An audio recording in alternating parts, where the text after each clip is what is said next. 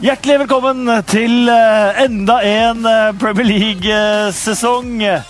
Nå er det altså bare dager igjen til eh, Manchester United og Leicester sparker i gang. Vi skal selvfølgelig tippe tabell. Vi skal kose oss med å gå gjennom samtlige av lagene.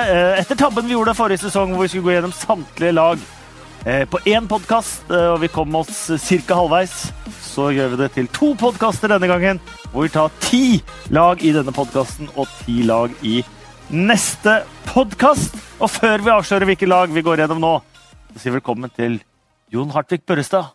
Hjertelig takk. Det er nesten din debut i denne podkasten, men du har vært Det er, med. det er sesongdebut, selvfølgelig. Sesongdebut. Men jeg var med én gang fra et uh, småslitt hotell uh, i Paddington Det var veldig sammen med. Glenn Strømberg. Det var, uh, det var hyggelig. Og Brede Hangeland. Ja, takk. Veldig hyggelig å være her. Jeg synes jo det Å være på podkast med deg, Kasper, er noe av det kjekkeste livet har å by på. Det er bare ikke alltid jeg får tid til det, men nå sitter vi her, og det gledes. Fantastisk. Det er noe av det kjekkeste jeg vet òg. Selv om jeg bruker ordet kjekkeste veldig sjelden. Uh, de, Vestland, folk fra Vestlandet bruker ordet kjekt. Veldig. Ja. Det er jo et bra ord. Du er jo vestlending. Ja, ja. Kjekk og fin, da. Jottoprinsen, som jeg kaller den. Vi skal gå gjennom- Mac fra Jotto. Dine to tidligere lag, Fulham og Crystal Palace. Eh, vi ser på Brighton, Bournemouth, Cardiff, Tottenham, Everton, Huddersfield, Liverpool og Manchester City. Eh, vi skal også se litt på hvilke unge spillere vi tror vi skal se opp for denne sesongen. Eh, litt nykommere, nye kjøp inn til eh, ligaen. Eh, vi skal tippe tabellen, ikke minst. Eller dere to skal få tippe deres tabell. Eh, og snakke litt toppskårer og sånt noe etter hvert også. Vi kan begynne med Bournemouth. Eh, lag som sleit lenge forrige sesong. Eh, kom seg etter hvert eh, godt oppover på tabellen, som vi ser, eh, ser på den eh, søylen vi har bak oss. Og for dere som hører på oss, så ser ikke den, dere søylen, men der har vi altså tabellen fra forrige sesong. Um, Joshua King eh, skulle li skåre like mange mål som han gjorde sesongen før. Det klarte han ikke helt. Men, og Jermaine Defoe ble aldri den suksessen Nei. man kanskje tenkte han skulle bli. Nei, øh, nå endte vel øh, Josh King likevel med å bli toppskårer i øh, klubben den sesongen, så well done for det. Jeg er litt sånn Syns det er litt vanskelig å forholde meg til Bournemouth, fordi historien med Bournemouth er jo fantastisk. Utrolig kult at de i det hele tatt er i Premier League. Det er sjarmerende. Det er palmer i gatene, det er Eddie Howe, det er den reisen de har hatt, det er Josh King. det er alt det der. Men når skal vi begynne å kreve noe mer av Bournemouth? Eller er ikke det uh, lov, holdt jeg på å si? Er det uh, å be om for mye? De slipper inn stadig flere og flere mål. Uh, de klarer aldri å løse det problemet, så jeg, jeg tenker liksom sånn Denne sesongen skal- tror jeg Bournemouth kan få det ganske tøft. Skal man kreve noe mer? Brighton har vel sagt det at for alle andre lag enn topp seks så burde 17.-plassen være målsettingen. Og Det er nemlig helt riktig tenkt. Det er selvfølgelig Chris Huton, eh, Brighton-treneren, som har sagt det. Og han vurderer den ligaen eh, akkurat sånn som du skal. Fordi det er seks lag som har ambisjoner om et eller annet. Uh, alle andre kan rykke ned. Og Bournemouth kan så definitivt rykke ned. Det er jo et, et skoleeksempel på, på et lag og en klubb som har drevet over evne. Ja, fyll gjerne på litt kaffe, Jon. Det er hyggelig på podkast. Um, og den viktigste mannen i Bournemouth, det er jo ikke en spiller. Det er jo trener Eddie Howe, uh, vil jeg påstå. Og han har uh, maksa det der nå. Det er vel fjerde sesongen uh, de er oppe i PL mot alle odds. Eh, interessant å merke seg spillestilen som er til å bli glad i. Og alltid kjekt og kjekt. Underholdende å se på Bournemouth. Eh, men de er naive. De taper eh, veldig ofte mot de store, fordi at de prøver å spille på en måte som er egentlig et topplag, men de er ikke et topplag. Så dermed kommer det noen stygge smeller innimellom. Men så har de en fantastisk attityd i laget som gjør at de henter en del poeng selv når de ligger under. Og kult at noen tør å gjøre det på den måten. Det er jo helt det motsatte av hva mange små klubber gjør. De er kompakte, de spiller kynisk, de har mange i forsvar. Bournemouth spiller ekspansivt. Alle mann i angrep. Det gjør at uh, Steve Cook og gjengen bak der av og til får litt problemer med å holde det oppe. Men, uh, men sånn Spesielt med å holde det oppe. Ja. Men, men er det mot alle odds? Er det virkelig det? Er det mot alle odds uh, at Cardiff er oppe, Huddersfield er oppe, Brighton er oppe, Bournemouth er oppe? Hvis det er fire lag som er oppe mot alle odds, er det da mot alle odds? Nei, Ja, mener nei, jeg da. det som er med Bournemouth, er jo i tillegg at de man skal ikke se bort fra at, hvor mye penger de brukte for å komme seg opp også. De skal til og med nå betale en FFP-bot på 4,5 millioner pund nå før denne sesongen, som de brøt på veien opp til Premier League. De har en russisk ganske rik eier. Men akkurat Bournemouth mener jeg også er en det er en veldig mye mindre klubb enn de andre her. Det er en klubb uten den historien, hvis du skal se f.eks. Huddersfield. eh, eh, Bournemouth var oppe nå i den øverste divisjonen for første gang i hele sin 100-årige historie. Arenaen er mindre enn halvparten av tippeligaen, eliteseriearenaene. Kanskje mer enn halvparten av tippeligaen. eliteseriearenaen er større enn eh, din kort. Eh, Det er en bitte, bitte liten klubb, altså. Vitality Stadium. Vitality sier de. Din kort. Ja, Din kort heter den egentlig.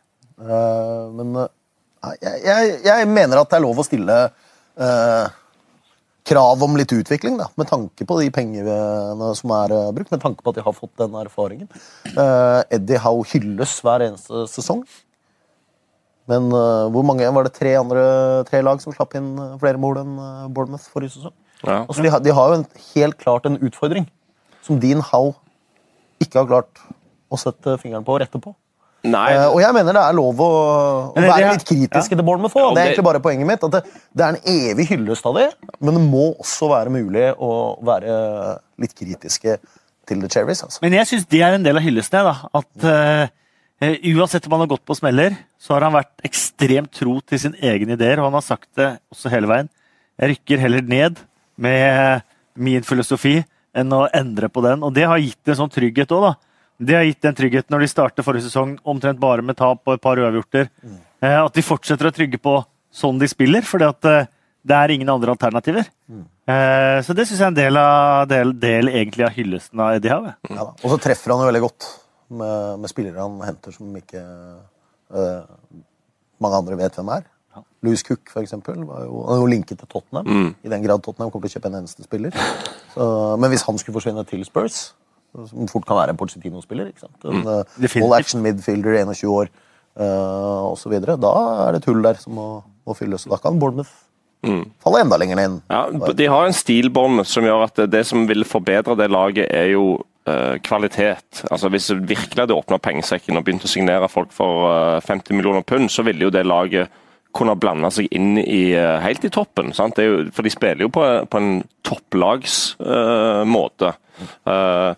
og så er det jo òg advarende pekefinger, da. For det, det er sånne lag som Bournemouth. Hvis de hadde gått litt fra konseptene, hvis Brighton hadde gått litt fra konseptene, Huddersfield, og begynt å bruke penger fordi en skal opp og gjøre en Burnley, liksom, så er det jo ofte der det går galt. Eh, s- det er nok av eksempler på det. Se på Fulham, se på Aston Villa, se på Newcastle når de rykker ned. At en skal ta steget opp og, bli, og slåss med de virkelig store, og så går det galt, og så har du mista liksom, eh, grunnfilosofien og konseptet som har gitt stabilitet i PL. Så det der er farlig. Og det tror jeg det er mange av de uh, managerne for de mindre lagene som, uh, som er på vakt mot. To uh, nysigneringer eh, nå. Diego Rico, uh, venstrebekk, snakkes om et kupp Ja. fra Leganes. Uh, noen som kjenner han eh, spesielt? Kjenner ikke spesielt uh, godt. Ikke supersterk på spansk eh, fotball. Uh, men uh, jeg har notert at han er 25 år og spilte 33 matcher. Eh, Det var større klubber enn Bournemouth som var etter ham? Ja, var det ikke Dortmund? Dortmund var jo ja. men han likte uh, visstnok uh, filosofien og Eddie Howe. Og Eddie Howe og assistenten møtte han mens de var på treningsleir i Spania. Innimellom alle treningene så møtte de Diego Rico. Og da som er et herlig navn. Et herlig navn. Men han konkurrerer jo da med en annen mann med et herlig navn. Charlie Daniels. Ja. Legenden som skårte et av de fineste målene i fjor. Med den der suseren som bare skrudde inn i krysset. Et prosjektil. Så der, da får eh, McDaniels-konkurranse av Rico. David Brooks har eh, også kommet, en mer offensiv eh, spiller eh, som har gjort veldig bra i Sheffield United. Eh, og det sier jo litt da, om hvordan dette her skifter fram og tilbake. Eh, at en spiller med, uten å blunke vil velge Bournemouth framfor Sheffield United. Hvis man ser størrelsen på de to klubbene, så skulle det vært egentlig omvendt ti av ti eh, ganger. Ja. Eh, vi må ha to ord om eh, Joshua King. Eh, 16 ligamål én sesong, halvparten forrige sesong. Sa at han var misfornøyd eh, med der han har blitt brukt av Eddie Howe. Var veldig åpen på det eh, i landslagssamling. Eh, samtidig så føler jeg han kan være så åpen på det fordi han og Eddie Howe har det forholdet de har, som er veldig tett. Eh, veldig stor tillit til hverandre. Jobber veldig bra sammen. Det er bare sånn sett fra utsiden. Det er sånn jeg føler det. Ja, jeg deler den vurderingen der. Det er jo um, eh, Ja, Joshua King, det er kult at han var misfornøyd med det han gjorde i fjor, men jeg vil jo snu litt på det og si at han etablerte seg som en, uh, som en viktig uh, Premier League-spiller for Bournemouth ved å, ved å ikke bli sånn one season wonder-variant, men at han, han, er, han er jo etablert som en som motstanderlaget ser opp for når de skal spille mot Bournemouth. Alle vet at han har fysiske ferdigheter, og at han skårer mål og sånn, så så uh, må bare fortsette den gode utviklingen. og Kanskje helt se at det er noe bedre sted å være for han enn uh, en Bournemouth under Eddie Howe. Nei, det, det er jeg helt enig med Brede. Så prøvde jeg å sette opp på en måte tre star menn da, eh, i dette Bournemouth-laget. Hvem er på en måte tre meget sentrale spillere? Da er, har jeg King inne på den lista. Eh, og det er jo en, eh, en hyllest til King i seg selv.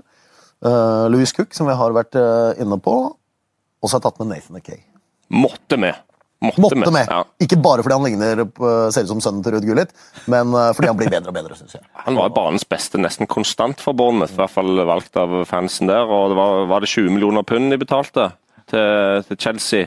Det er mye penger det, men det framstår nesten som et skup, syns jeg. Ja. For en ung eh, midtstopper med fart og, Og da er, foran seg. og da er King i godt selskap, syns jeg. Så de tre mener jeg i hvert fall er eh, the one to watch out.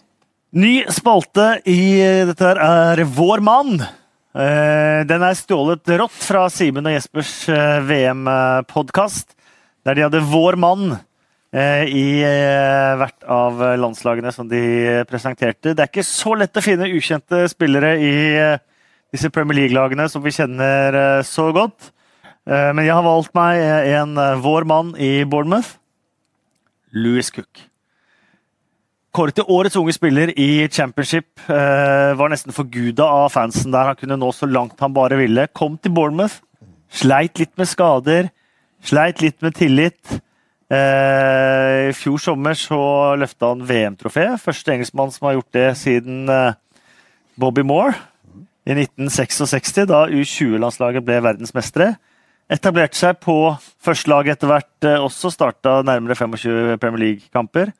Og nå ser man hvor stor kamp, eh, spiller han kommer til å bli. Kan komme til å bli. Satt vel hjemme og ventet hvis det skulle skje noe i den engelske landslagstroppen under VM, så var vel han den som skulle på flyet. Ja.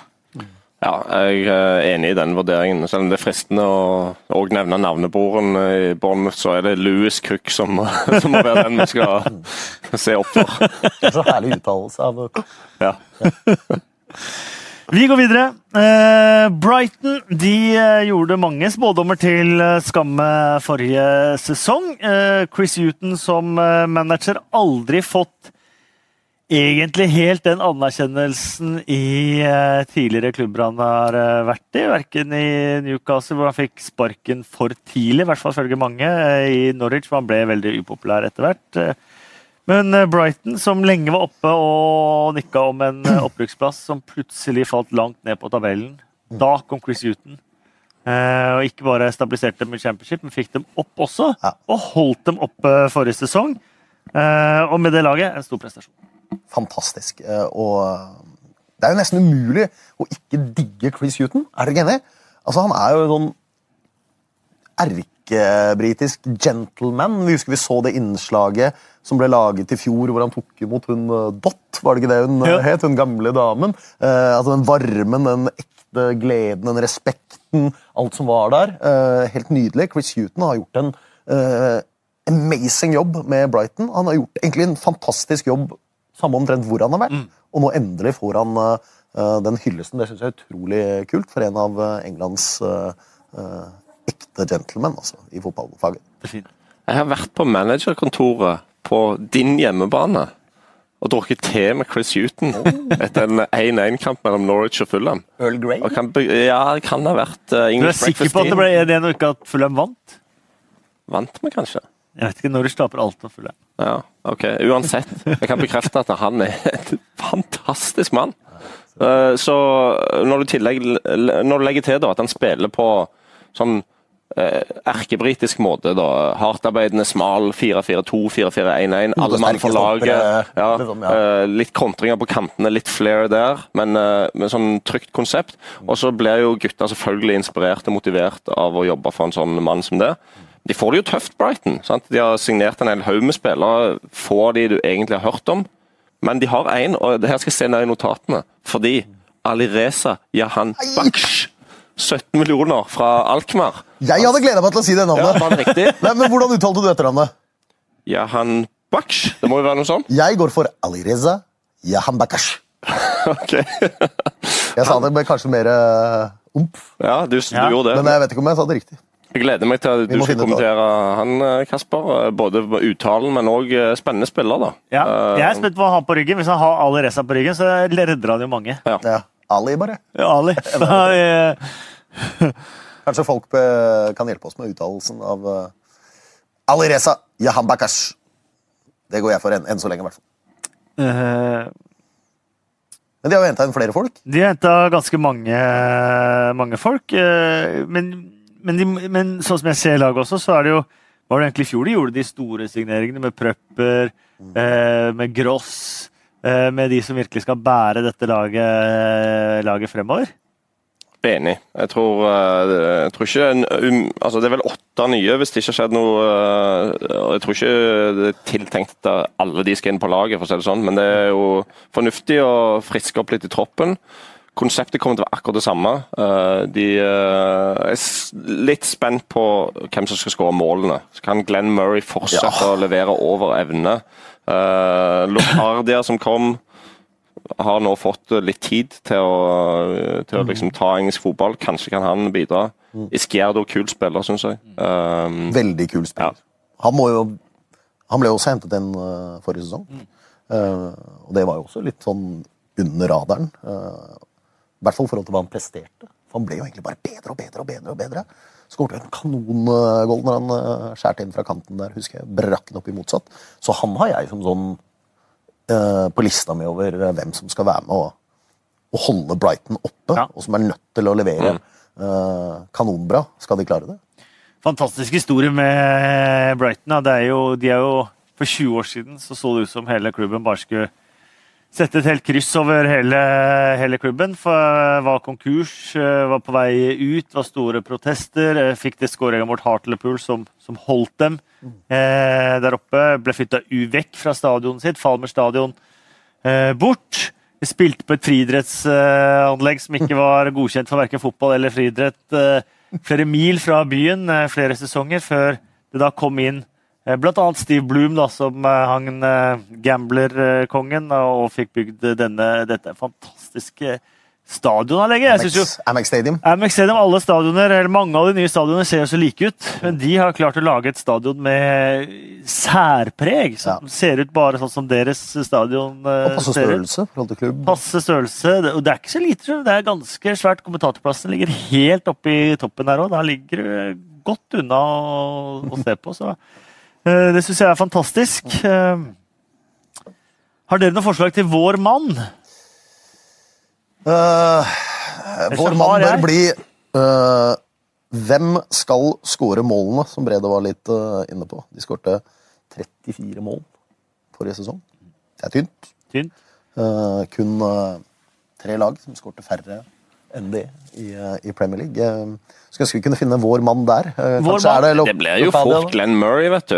Hvis du skal plukke ut én spiller som kanskje blir den viktigste spilleren, da. For jeg, alle andre der framme er liksom unproven på dette nivået, men han er en målskårer. Arrestert hjemme Ja. i sitt eget hjem sammen med kona midtveis forrige sesong uh, for skatteunndragelser. Eh, og det å komme tilbake da og fortsette å skåre mål, det er en prestasjon, da. Ja, og en nydelig fyr. Eh, Han var i Crystal Palace sammen med meg, og der var det sånn trening at Skattemyndighetene er ikke enig med deg. Nei, det kan du si. Så har han jo fått mer hår, vet du. Ja. Glenn Murray. Ja. Og kanskje trengte han ekstra midler for, for den investeringen, for en ganske heftig investering. En jeg for øvrig ikke har råd til. Men uh, kanskje var det det som gjorde at han måtte trikse litt med selvangivelsen, hvis han gjorde det. Ja, At det kosta så mye Ja. for de plug-in-variantene? Ja. Da har vi vår mann eh, Glenn Murray. Hadde også tenkt å foreslå Antony Knockert, som har vært på litt av en reise eh, fram der han er òg. Mista jo broren sin i 2011. Eh, brant den straffen som gjorde at eh, Leicester ikke kom til playoff-finale. Når at Watford kom dit i stedet, så mista han faren sin. Og så skøyt han jo nesten Brighton da, midt i den sesongen han mista faren sin, opp til Premier League med 18 ligamål, var det vel, i Championship. Så kanskje han ikke helt å følge opp forrige sesong, med skader og eh, litt at det var ny liga og sånt. nå. jeg venter på knokker til denne sesongen som kommer nå. Og bong. Og Bong! Bare for det Gata. Bong. Det er så fett mann. Kan ikke du ta hele backrekka til eh, Brighton igjen? Ja, det kommer jo an på hvem. Vi har jo Bruno, Dunk, Duffy og Bong. Ja, Da har du hele Boing. Det er hele Boing, ja. Det er Boing-rekka. jo det- Og, og vaktsjef eh, Eirik Bremertun eh, han river seg nå i det han har igjen av hår, for han syns vi sier det altfor ofte. Jeg syns vi sier det altfor sjelden. Altfor sjelden. Alt. Alt for sjelden. Helt enig. Vi går videre til et uh, nyopprykka lag. Um, de var egentlig tippa å kjempe om ned, mot nedrykk til League eh, One. Ja. Eh, sånn gikk det ikke. De sparka og slo og kriga seg opp til eh, Premier League. Eh, både tidlig i sesongen, midtveis i sesongen og mot slutten av sesongen så satt eh, alle de jeg hørte på i podkaster og andre steder, og de, vi prata om de innimellom i vår podkast de sprekker. Imponerende det de har gjort, eh, men det kommer ikke til å holde helt. Det kan Det kan gå. ikke gå. Eh, og så gikk det. Neil Warnock. Det er mannen, rett og slett. Og han, ja, han har engelsk rekord i opprykk nå. Det var hans åttende opprykk. Det er det ingen andre som har uh, fått til. Uh, og du har jo hatt han som manager. Jeg har det, eh, og må jo bare legge kortene på bordet. at Jeg forstår ikke at han har klart å rykke opp åtte ganger. For i hvert fall i min verden så var Neil Warnock en altså Han var en superhyggelig fyr, og først og fremst en motivator og litt sånn. Får det beste ut av hver enkelt. Men taktisk sjanseløs. Eh, han Du velger sjanseløs. ja, omtrent sjanseløs. Altså, var, han satte jo opp en formasjon, og så, men det var ikke noe særlig sånn eh, Det var ikke noen detaljer i det taktiske eh, konseptet. Det var mer sånn Du spiller der, gå, gå ut og, og, og gjør ditt beste. Uh, Og så, så var han god til å bygge opp spilleren. da. Han var god på sånn man management. Uh, Men gikk, gikk ofte på trening rundt og bare snakket i telefonen mens han så på. Det er sant.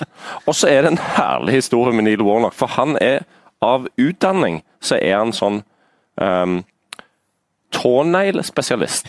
Ja. Det er hans Det eh, også. egentlige utdanning. Ja. Så han har jo faktisk eh, foretatt en helt unik reise fra det laveste Altså tåneglespesialistene. De kommer inn på Pedikyr, liksom? Ja, et eller annet sånn pedikyr. De kommer jo inn på tirsdag når folk har eh, restituert på mandagen og fikser tåneglene til folk. Det er kanskje den laveste stillingen du kan ha i en engelsk fotballklubb. Det er de som jobber fysisk lavest nede, i hvert fall. Ja, det gjør de, men de er i hierarkiet klart under groundsman og kitman, vil jeg si. Det er tåneglfolkene. Men, men Warnock har jo da jobba seg opp fra der til å bli manager i Premier League. Det står det respekt av. Og så er han jo en mann som står litt i vinden. da, stadig Hadde jo en feide med Pep Guardiola, hadde han ikke det i fjor? Og ikke minst Nuno Espirito Santo Ja. i Wolverhampton. Det var jo uh, fryktelig bitter. Ja. Eh, så eh, er en karakter Altså, Vi får en attraksjon med Neil Warnock i Premier League, men jeg tror jo at når du ser på laget, så skal de få kjempeproblemer. Men hva er de tre første bokstavene i etternavnet til Neil? War. War is it good for? Absolutely everything for Cardiff. Det er det de må gjøre. Det er derfor de er der de er. Neil Warnock kommer opp nå. Det minner meg litt om sånn uh, når Tony Pulis uh, tok opp Stoke, ikke sant? og alle sa ja, men hm, Tony, du, eh, lange baller og lange innkast og heading og alt det der. Hva skal du gjøre nå som du har rykket opp i Premier League? I'll go bigger, I'll go stronger. sa Tony Pulis. Og litt der tipper jeg Neil Warnock er, da. Dette blir ikke pent, men det blir fett å se på for det. Det er akkurat det. Og vi har snakka litt om eh, det tidligere og i podkasten, og hvem som kommer med den ordentlige sånn motreaksjonen til eh, sånn som fotball skal spilles eh, nå, da, i, i Premier League, hvor stopperne kanskje blir mindre, mindre duellsterke, bedre med ball. Eh, hvor det liksom å kunne plage de ordentlig, og der har du mye Cardiff, da. Ja, og, og, det er jo helt uh, relevant å diskutere det. For det, har jo blitt mer og mer kontinentalt i Premier League, og alle topplagene spiller på den måten. Der er jo rom for å, å plage uh, både topplag og alle andre lag med fysikk og fight og duellstyrke. Det er det, det er ingen tvil om. Så det er jo Cardiff sin mulighet. Og så må de ha sinnssykt samhold. Det har de jo. Neil Warnock istedenfor å reise til Spania eller til USA eller Australia på preseason camp, så dro han til Cornwall med guttene og hadde teambuilding der. Så, for den nære kona, vet du. Ja, ja, ja. Han er veldig glad i kona si. Ja, og traktoren sin. Ja. Uh, så uh, han gjør det jo litt på sin måte, og det er kult. Og de har uh, entusiastisk hjemmepublikum. Det blir tøft å komme til Cardiff, og det blir vondt sannsynligvis å komme til Cardiff. Men klarer de å få tak i ballen? Det er spørsmålet mitt. Og så ser jeg på um, hvem de møter i, i, begynnelsen her. da. De har Bournemouth borte i første match. så har de Newcastle hjemme. Det er ikke det, eh, det verste man kan ha i begynnelsen, etterfulgt av Huddersfield borte. Men så kommer Arsenal hjemme, Chelsea borte, og så City og Spurs i to av de tre neste.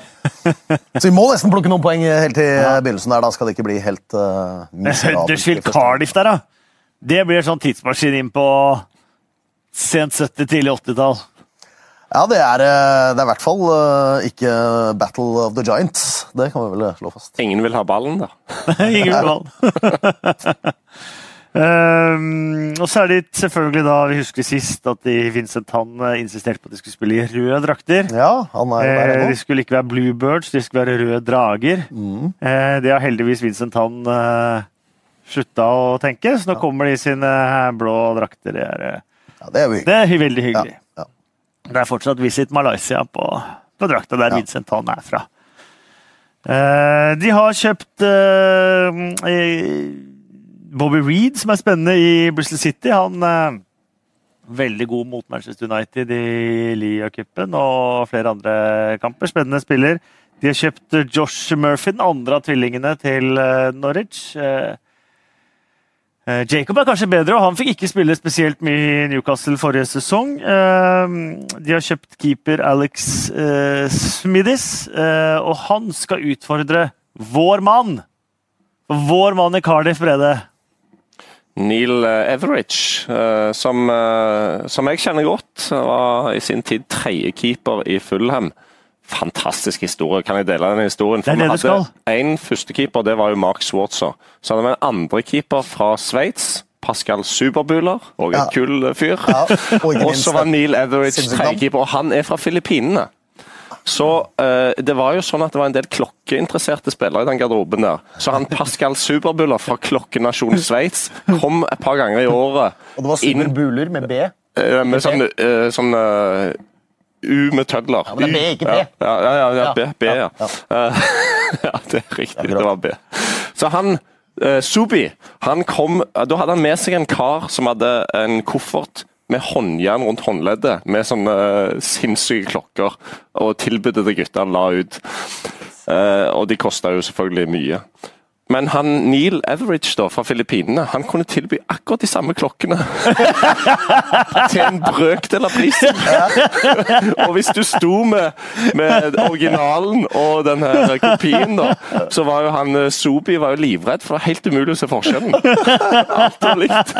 Du kunne han, kjenne på det, eller? Nei, til og med vekten var likt. Oi, så var en del junior til og med i Fulham-garderoben som hadde voldsomme varianter der med, med klokker. Uh, men så en, en bra fyr da, som, som, faktisk skapte sin karriere. Kom seg til Cardiff og spilte jo, som du sa til meg, eh, masse i fjor.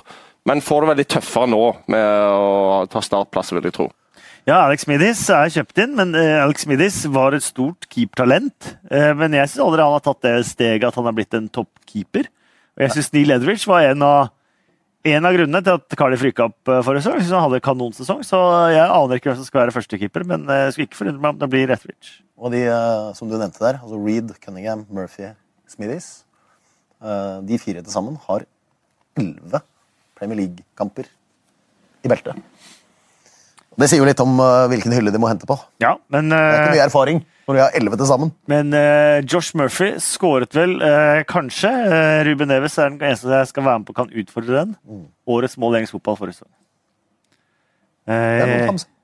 Det er noe å ta med seg. Han, og han og Ja, vi trenger ikke gå langt inn på Josh Murphy-historien. Det er folk drittlei! Bjørnar Felde har bedt oss uh, Hans eneste spørsmål inn til øh, PL-pod denne gangen var kan vi snakke litt mindre Norwich. Ja. Så, da går vi heller Vikstad-bingoen går, eh, går hardt nå. Vikstad-bingoen går hardt. Vi går videre til uh, Skal vi ikke snakke om eh, Junior Hoilet? Du kan snakke om Junior Hoilet hvis du har mer å snakke om i Cardiff, for han også har hatt en artig reise fram til der han er nå. Ja, altså, Jeg husker når vi eh, startet opp med Premier League-sendingene slik vi omtrent kjenner det i dag, i 2010, og Junior Hoilet eh, var med å kjempe eh, i skuddet, og så gikk jo Hoilet in the toilet, som vi spøkte litt med. Den likte Brede. Ja, den var kul. Ja, den var kul. Um, og så får jo Neil Warnock fart på han igjen. uh, så vidt jeg vet, så 20 målpoeng i championship Ah, i fjor. Eh, det er jo ikke dårlig, det. Uh, så uh, Hoilet gikk i det toilet, men ble ikke flushet ned. Han, han er oppe igjen. Han er over ringen! Svever over ringen rundt systernen, er det det det heter? Den vi stadig vekk må fjerne og, og fikse for oss som har gamle toaletter. Um, eh, så uh, watch out. Kanskje Hoilet uh, er tilbake. Skal vi ta med oss Neil Warnock det siste også? Åtte opprykk, men han har aldri klart å holde et lag i Premier League. Han rykka ned med Sheffield United, fikk sparken i QPR. Jeg har aldri holdt ut den hele den sesongen og fortsatt med, med Premier League-kontrakt. Men han hadde en bra melding da han fikk sparken i QPR. I take the full responsible, responsibility for the position this club is in right now, the Premier League. Hadde han Hoilet der òg, og Cooper? Ja, det er litt på Ja, det. Det er det, Ja, han, er det. ja. Altså, han har gjort mye bra, Neil Warnock, men hvis han klarer å beholde plassen med Cardiff i årets Premier League-sesong, så vil det være hans største prestasjon. Det vil og det vet han veldig godt selv ja. fra. Men det går ikke. Det går. Det går. Tottenham! Eh, Ja. Tottenham eh, som da måtte spille en hel sesong på Wembley, og det etter å ha hatt 17-2-0 siste sesongen på White Hart Lane. Så var det mange som spådde trøbbel for eh, Spurs. De klarte seg faktisk overraskende bra på Wembley eh, etter hvert. Eh, Pochettino står fortsatt uten noen trofeer, selv om han er nære. Men han klarer eh, stadig topp fire-plasseringen, har etablert Tottenham der. Nå kommer var det Tottenham Hotspur Stadium 15. september. Ja. Eh, Skal spille en kamp på Wembley før det. Spille en kamp på Wembley mot Fulham eh, før det, og så er det mot Liverpool 15.9. på Tottenham Hotspur Stadium. HSCB, er det det heter, det selskapet som de ikke har klart å bli enige om å Ja. kalle stadionet etter? Men det er ikke overraskende at eh, folk ikke ble enige med Daniel Levy i forhandlinger. Um, Det tar ofte litt tid. Men det driter vi i. Eh, Vi tenker heller på hvor eh, Tottenham nå kommer til å plassere seg sportslig. og Da kan vi begynne med spørsmål fra eh, Twitter og Pål Anders Karr. Ja. Mange Tottenham-supportere er helt ute av seg av den manglende aktiviteten på overgangsmarkedet. De har vist gjennom flere sesonger at laget er sterkt, men kan forsterkes og ikke minst fornyes. Hvor tenker dere at de viktigste posisjonene vil være å forsterke hvilke spillere? Hvilke spillere trenger de? Ja. Uh, jeg mener de trenger uh, da, Og da tar, mener jeg at uh, det er ganske klink at Toby Alderweireld eh, drar til Manchester United. Det tror jeg kommer til å skje. Så de trenger sikkert en stopper. De har det aldrende Dembele på midten, som kanskje har tatt ut det meste av sin maskin. Var tilbake på treningsfeltet til Tottenham i går, mandag. Um, og jeg tror ikke han er spilleklar eh, mot Newcastle. Eh, så der tror jeg de trenger en, eh, en eh, å, å, å få inn noe nytt. Eh, og så er det jo det problemet med å finne en, en backup-spiss for Harry Kane, da, som ikke er så lett. Så eh, de tre posisjonene syns jeg Tottenham trenger å, å styrke. Skal de være med eh, og slåss om eh, de gjeveste pokalene i England? Dette med en backup-spiss til Harry Kane må jo være eh, en fryktelig vanskelig problemstilling. For uh, hvem er det som uh, ønsker og vil å gå inn og så soleklart være et andrevalg? Mm. Må jo være god, selvfølgelig. Ja. og så vet en òg at Harry Kane har hatt den samme ankelskaden nå tre ganger. Uh, han kan fort få det som kalles for footballers ankle, altså at det bare skjer igjen og igjen og igjen og igjen, og, stadig avbrekk. Nå har han jo motbevist den teorien så langt, men uh, en ganske ung mann fremdeles, Harry Kane, og akkurat det er litt sånn uh, hull i rustningen hans. og Det vet de selvfølgelig veldig godt i medisinsk apparat til Tottenham, så, så det er ganske viktig å få inn rett mann til å være backup der. Og jeg tenker jo at Martial hadde vært perfekt Eh, ikke at han i seg selv sier det er helt ok for meg å være nummer to, men han kan jo fylle flere roller.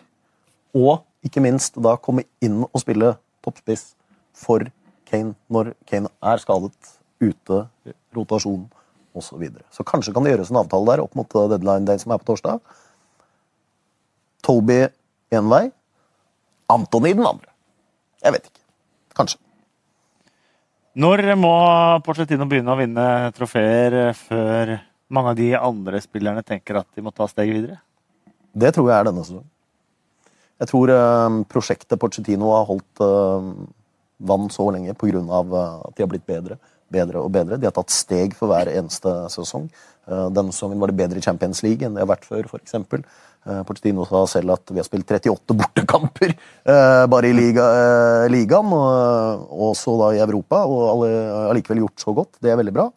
og så har du jo denne effekten med ny stadion, som jeg tror en del av spillere gleder seg til å være, være på. En toppmoderne stadion, selvfølgelig.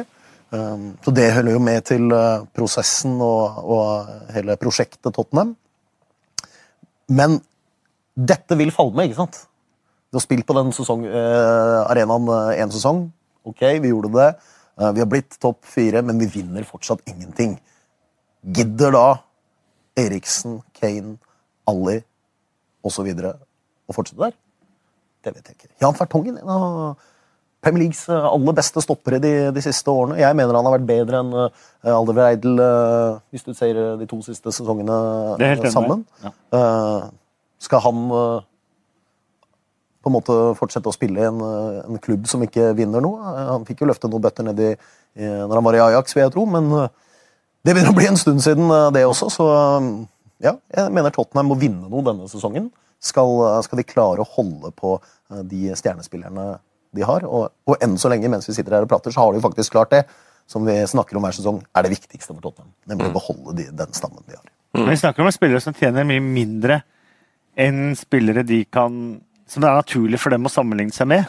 De kommer på landslagssamlinger og, og snakker med lagkompiser der som tjener det dobbelt i uka. Ja, det er sant. Eh, jeg eh, har jo alltid hevda at eh, hvis du har den ukelønna som Tottenham-spillerne tross alt har, så lever du veldig godt på det. Ikke bare nå, men resten av livet. Så kanskje er mange der smarte nok til å se at det viktigste er å få være med på et prosjekt. Men da må du jo ha troen på prosjektet, selvfølgelig. Og så er det sånn at litt bak det som en ser på banen, så er det jo selvfølgelig en erkjennelse av at Tottenham Uh, har ikke de samme musklene økonomisk som en del av de andre topplagene. De har bygd nytt stadion. Det koster selvfølgelig mye. Så det kan godt være at uh, Levi og Pochettino må selge en litt lengre historie til, uh, til de store gutta der og si at nå har vi bygd denne stadion. Heng med oss et år til, så kanskje er det noen midler i framtiden. Men så er jo spørsmålet hvor lenge en tror på den fortellingen, da. Og så har jo Spurs faktisk et problem med homegrown-kvoten sin. Det stusser jo mange på, for du tenker jo Jesus Christ, dette er jo halve engelske landslaget. ikke sant? Vi var fem mann i VM-troppen til England eh, nå sist. Men Eric Dyer er altså ikke uh, blir ikke ansett som homegrown fordi han ble med moren sin, som drev et cateringfirma, til EM i Portugal ikke sant? i begynnelsen av 2000-tallet. Så han går ikke i homegrown-kvota. Det gjør heller ikke Ben Davies. Så det er jo det er problemet for Spurs. De må, de må selge antageligvis eh, noen av de eh, utenlandske floppene da, som de har uh, henta inn. Jansen, uh, Nkodo, uh, som er vanskelig å bli kvitt. For det, Kolo har sett litt bra ut i sommer, faktisk. da. Ja, han skåret to Ja. mål i preseason eh, Ja. nå, men eh, de avslutningene er jo av sånn uh, Bajas-varianten som eh, fyker inn. Men, Men det kommer jo noe sånn Anoma, de, de er nødt til å gjøre det. De har et problem Ja. der, altså. Anoma kommer. Mm. Hadde god for Aston Villa forrige sesong. Harry Winks var det jo mange som hadde forventninger til inntil han ble skada. Det er et par av de der. Luke Amos eh, har spilt Ja. eh, masse i USA. eh, en 17 år gammel eh, kar ved navn Skip eh, har vært inne og spilt mye i USA, men eh, de er jo bare der og spiller nå, fordi eh, Winks de ble andre er plutselig på tatt ferie. på landslaget. da. Eh, Winks, eh, Winks har, jo vært, eh, har jo vært god, men er han eh, en spiller som hever elveren til Tottenham? Eh, det vil jeg ikke tro. Men de får vel kanskje én litt ny spiller, i hvert fall. Lucas Mora. Som, Ja, eh, det er hvis det ikke kommer noen nye signeringer, så er det i hvert fall kanskje å anse som en ny spiller som Da eh, har fått litt tid. Slenger vi inn det som eh, vår mann, Lucas Mora. Ja. Ja, jeg, jeg er helt enig med Brede. Det kan bli Uh, som en ny signering for dem. jeg har kikket litt på Tottenham i, uh, i preseason eh, nå. Eh, han har skåret eh, tre mål eh, på fire kamper eller noe sånt. Og tidvis sett ut som en world beater. Altså, du, du tenkte ah, det er derfor PSG eh, gikk og hentet han. Liksom. Altså, eh, ser helt eh, amazing ut. Eh, så det kan bli, og Jeg tipper han skal starte, med tanke på at Tottenham hadde ni spillere i eh, enten eh, finale eller bronsefinale i VM. Det er jo insanely mye. Så Lucas Mora skal nok inn og, starte mot Newcastle. og Ser meget, meget giftig ut. Sist bare banka han inn et frispark også. Det har jeg ikke sett. han har hatt i verktøykassa før. Så nei, det, det kan bli spennende. Han kan få en slags breakthrough season, tror jeg. Dette blir en tøff eh, start for Tottenham, som du er inne på, med ni eh, spillere eh, i finale eller bronchings eh, der. Mange av de kan ikke brukes i starten. Ja, ja, og Eh. møter Manchester United og Liverpool i, de, i to av de fem første kampene. Så eh, her må folk på jobb! Folk Skal det, jobb! skal det bli noe av Spurs? Jeg tror ikke de blir topp fire. det. Lucas Mora, eh, mannen som tidlig i karrieren bestemte seg for at han ikke ville ha noe brasiliansk kallenavn. Han Nei. ville ha sin eget navn og gjøre det til spesielt isteden. Og er øh, personlig kristen. Eh, veldig, veldig opptatt av religionen sin. Og så er det fun fact at han eh, skylder på uh, vær i Europa og hva var det siste?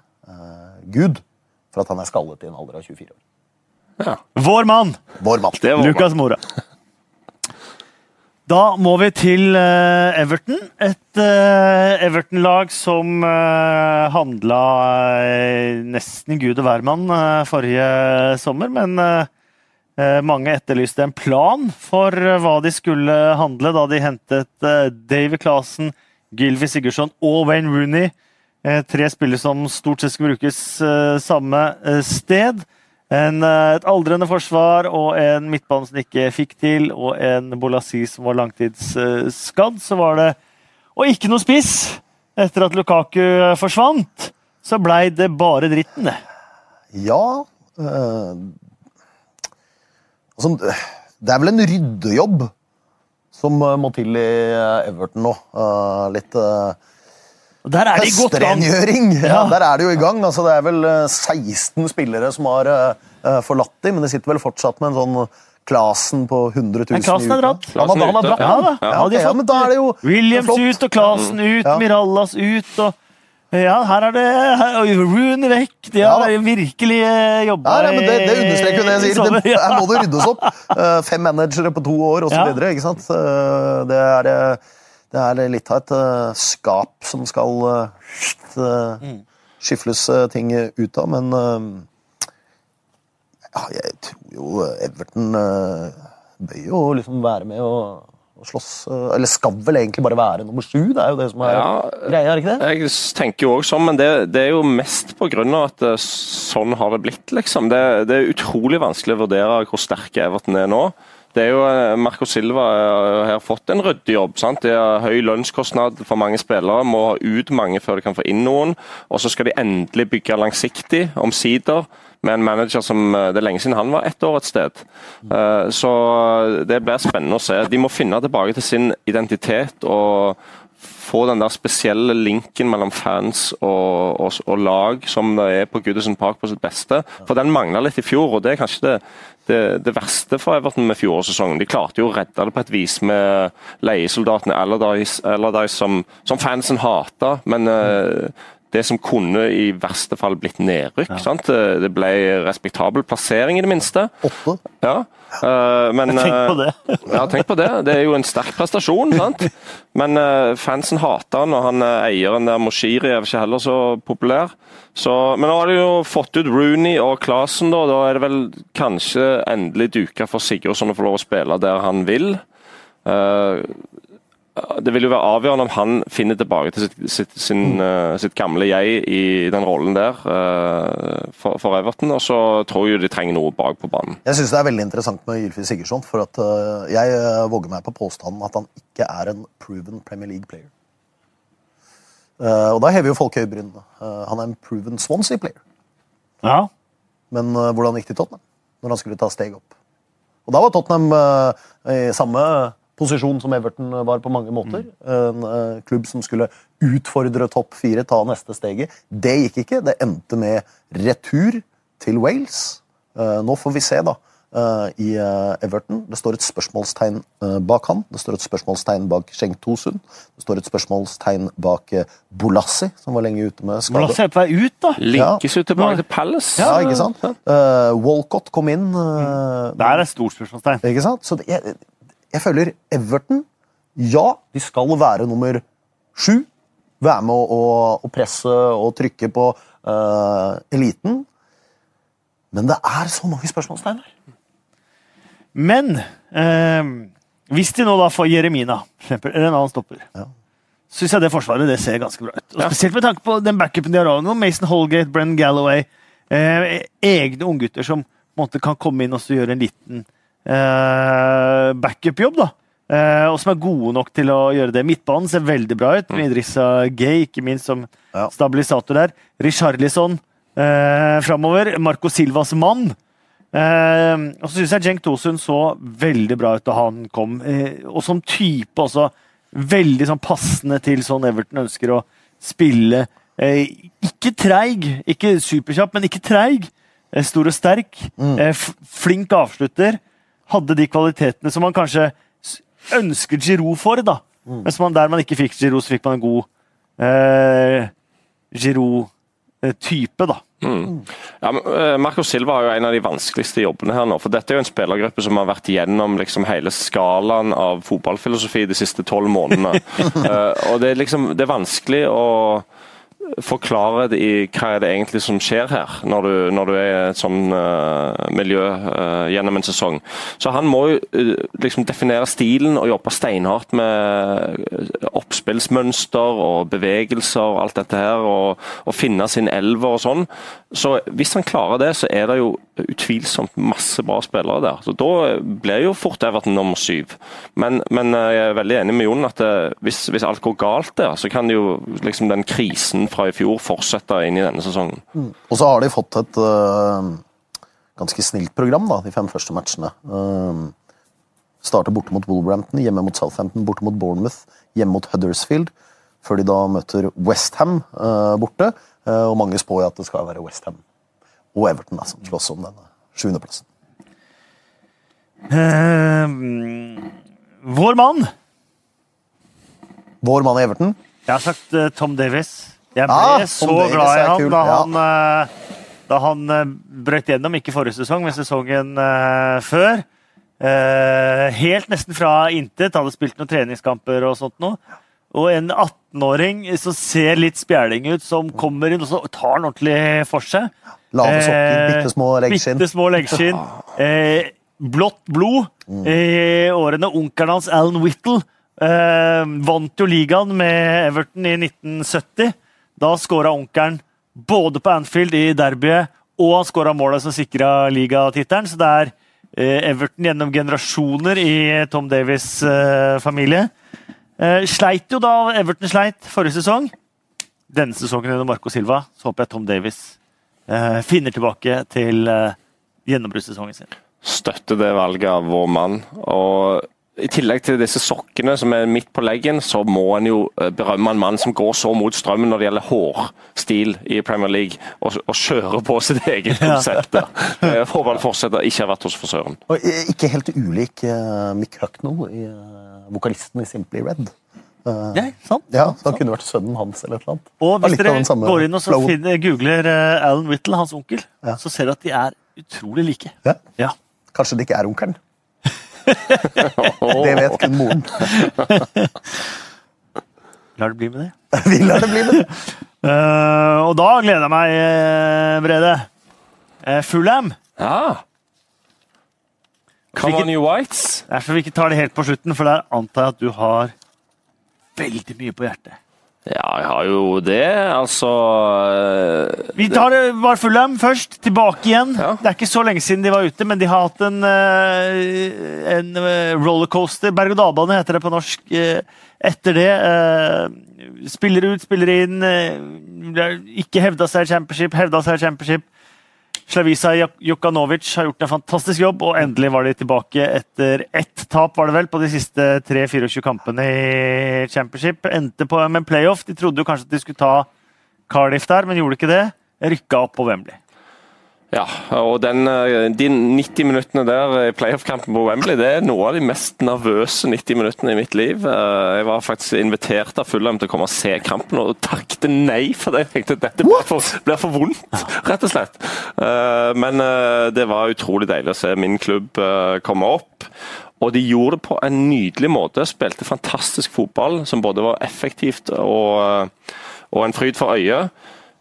Men jeg tror de må justere litt i Premier League. Eh, Men dette er jo en klubb, eh, styreformann Shahid Khan og Jokanovic, som, eh, som eh, ønsker å etablere seg midt på treet. De ønsker å ha større ambisjoner enn bare å slåss mot nedrykk. Og kommer nok til å spille en eh, ganske sånn eh, Premier League-type fotball. Men kan fort bli kontra på altså, mot de virkelig gode lagene. Og, eh, og nå i, i preseason så har de spilt eh, veldig fin fotball, men ser sårbare ut når de får brudd imot. og Jeg ser for meg liksom Manchester City, Liverpool som bryter midt på uh, Fulhams halvdel. Da er det ganske tomt i forsvarsrekkene der. Eh, det, men de har signert gode spillere. Ja. En av vinnerne på overgangsmarkedet. Det Ja, virkelig, det må vi si. Eh, en del eh, litt sånn ukjente, men spennende. Og så syns jeg at Måsen var, var riktig. Uh, bruk av penger. Ryktes òg Chambers fra Arsenal på lån. Da ser det litt bedre ut bak der. Schürrle, hvor god er han nå? Eh, på lån to år. Det er òg ganske intelligent å låne han i to år istedenfor å signere han. Så her tenker de jo liksom eh, å bygge med litt sånn eh, eh, ikke, ikke for stor risiko. Men det viktigste for Fulham er balansen i laget. Eh, finne balansen mellom å ha ballen i laget og være ekspansiv, og så òg kunne forsvare seg eh, mot bedre motstandere enn det de hadde i fjor. Ja, for det er, det er litt har vært. De har litt sånn soft touch Ja. eh, defensivt. Eh, stoppere eh, Men den kanskje viktigste signeringen de fikk på plass, var Mitrovic. Enormt viktig. Eh, var jo, eh, han skåra tolv, og var vel hovedgrunnen til at Fulham kom seg opp uh, på lån. Så signerte de han da, men Mitrovic, etter min oppfatning, har aldri han er ikke noen proven Premier League-player, han heller. Ja. men var, han var ganske god for Serbia i VM. Men at han eh, slår til igjen i Premier League, det vil jo være helt avgjørende, selvfølgelig. Fascinerende å se hvordan de brukte han eh, mot slutten av, av sesongen, når Fulham gikk som klokke fem, bare 14 strake, før det ble tap i siste. Ja, flere. du. Det er 23 uten tap. 23 tror jeg de har hatt uten tap før det kom. Men, og jeg så ganske mye eh, Fulham, for eh, jeg tror ganske mange der ute har Fulham som en sånn second team. på en måte. Sånn Utrolig hyggelig, koselig. eh, Brede har selvfølgelig mye med det å gjøre også. Lage å følge med, da. Eh, og se hvordan de brukte Mitrovic. Altså, han, han, sto liksom sånn eh, som Lukaku i Everton i sin tid. Litt sånn feilvendt på eh, 14-15 meter, altså inne, så vidt inne i boksen, og bare holdt av folk. Og var utrolig god og sterk til det. Og så bare fylte de på med Cézinho litt sånn rundt der. Så, eh, jeg vet ikke om det er samme oppskriften eh, denne sesongen, men uh, vi har jo nevnt flotte signeringer eh, her, og vi har fortsatt ikke tatt, tatt fram Seri. Seri. eh, som Skulle til Barcelona forrige sommer. Barcelona forrige sommer. Ikke sant? Og bare alle ligger langflat, og alle er linket til han av toppklubbene. Og så er det Craven Cottage han løper ut på denne sesongen. Ja. Det må være et varp. Ja, det er jo et varp. Og de har kjørt litt sånn high press nå i preseason. Eh, eksperimentert med det. Spennende å se om det funker. Eh, Fulla med et lag som kommer til å levere noen fantastiske kamper denne sesongen. Slå noen store lag, det er jeg helt sikker på. Kommer òg til å gå på noen stygge smeller når eh, Tim Ream, årets spiller fra i fjor, den amerikanske midtstopperen, blir litt for ensom bak der. Ja, for, og, Tim Ream husker vi fra Var, var det ikke Bolten, når de var oppe? Eh, husker han fra den uh, tiden. Og- husker han ensom? Ja, husker han ensom Uh, og tenkte liksom dette blir ikke all verdens, liksom. Men som du sier, ble vel stemt fram av fansen som, som årets spiller. Og, eh, men den som egentlig var over- årets spiller, var vel uh, Cézinho, Cézinho eller Kearney? Mm. Eh, vi skal snakke om eh, Nå var vi på midtbanen med Sri og sånn. Tar det først. Eh, McDonald, Johansen og Kearney har jo vært midtbanen der. Med Serien må én ut. Ja. Eh, og vi syns det er fantastisk å ha en nordmann i Premier League, og spesielt en nordmann som Stefan Johansen, som både er en god fotballspiller og en eh, bra fyr. Og fleste sist i, i Fulham. Alltid produsert masse for Fulham og vært supergod. Eh, så da håper vi vel kanskje at det er McDonald ut. Ja, men jeg tror nok ikke det blir det. Um, målt fra preseason-kampene. Og McDonald har en utrolig høy stjerne i klubben og er den eneste som er litt sånn, sånn virkelig balanserende Ja. den midtbanen der. Så det kan fort bli Stefan Johansen på benken fra start her, tror jeg. Dessverre, sett med norske øyne. Men han er veldig nære. Veldig nære. Slefan, altså. Det er ikke Zlatan, vet du. Det er Stefan. Så vi håper, ja, vi håper det. For en uh, herlig type Stefan Johansen er, altså. Jeg med mitt uh, Drammenshjerte har Ja, fulgt han lenge siden. Definitivt, og han har jo en stor ære for å ha vært med klubben på denne reisen opp til eh, Premier League. Og Ryan Cézinho skal vi prate litt om uh, også. To sesonger siden han egentlig slo gjennom som 16-åring.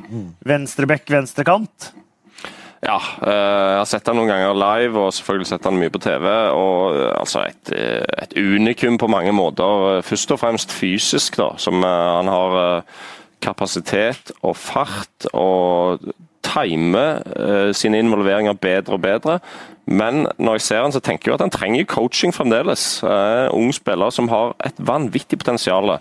Og Det er òg et slags skup for Fulham å klare å beholde han. Ja. Men han er en sånn han er, kan fort bli en klubbspiller, faktisk. eh, For han elsker den klubben der. Og virker mer eller mindre uinteressert i å gå andre steder. I hvert fall når de rykker opp, da.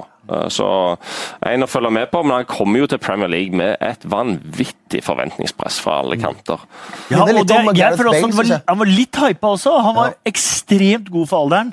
Eh, men jeg syns ikke han var like god som kanskje de to-tre beste spillerne i championship i forhold til hva de eh, presterte. Ruben Neves, eh, for eksempel.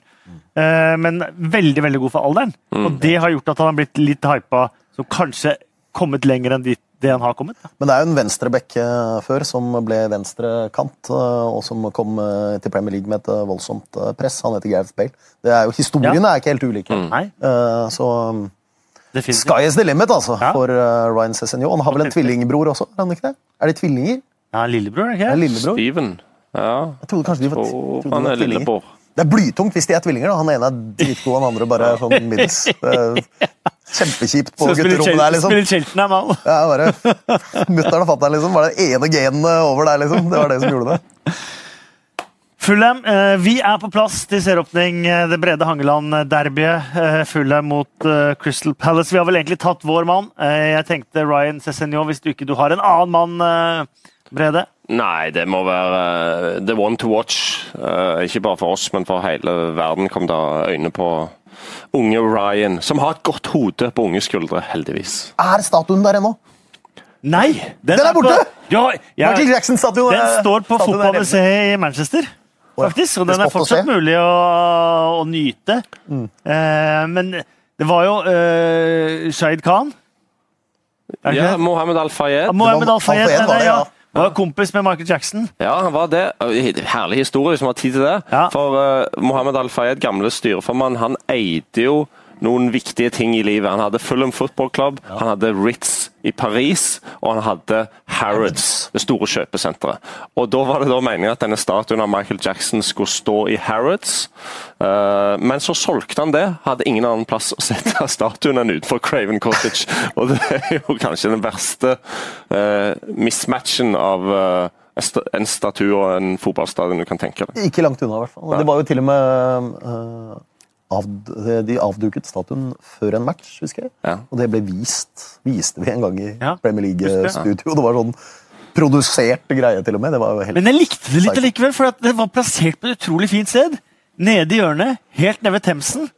Så du kunne på en måte Men kunne du ikke slengt brede på sokkel isteden? se? Bre- Michael Jackson, og til venstre se eh, rotrening. Sånn og åtter med koks eh, nedover Themsen her. ett to, et, to fra koksen.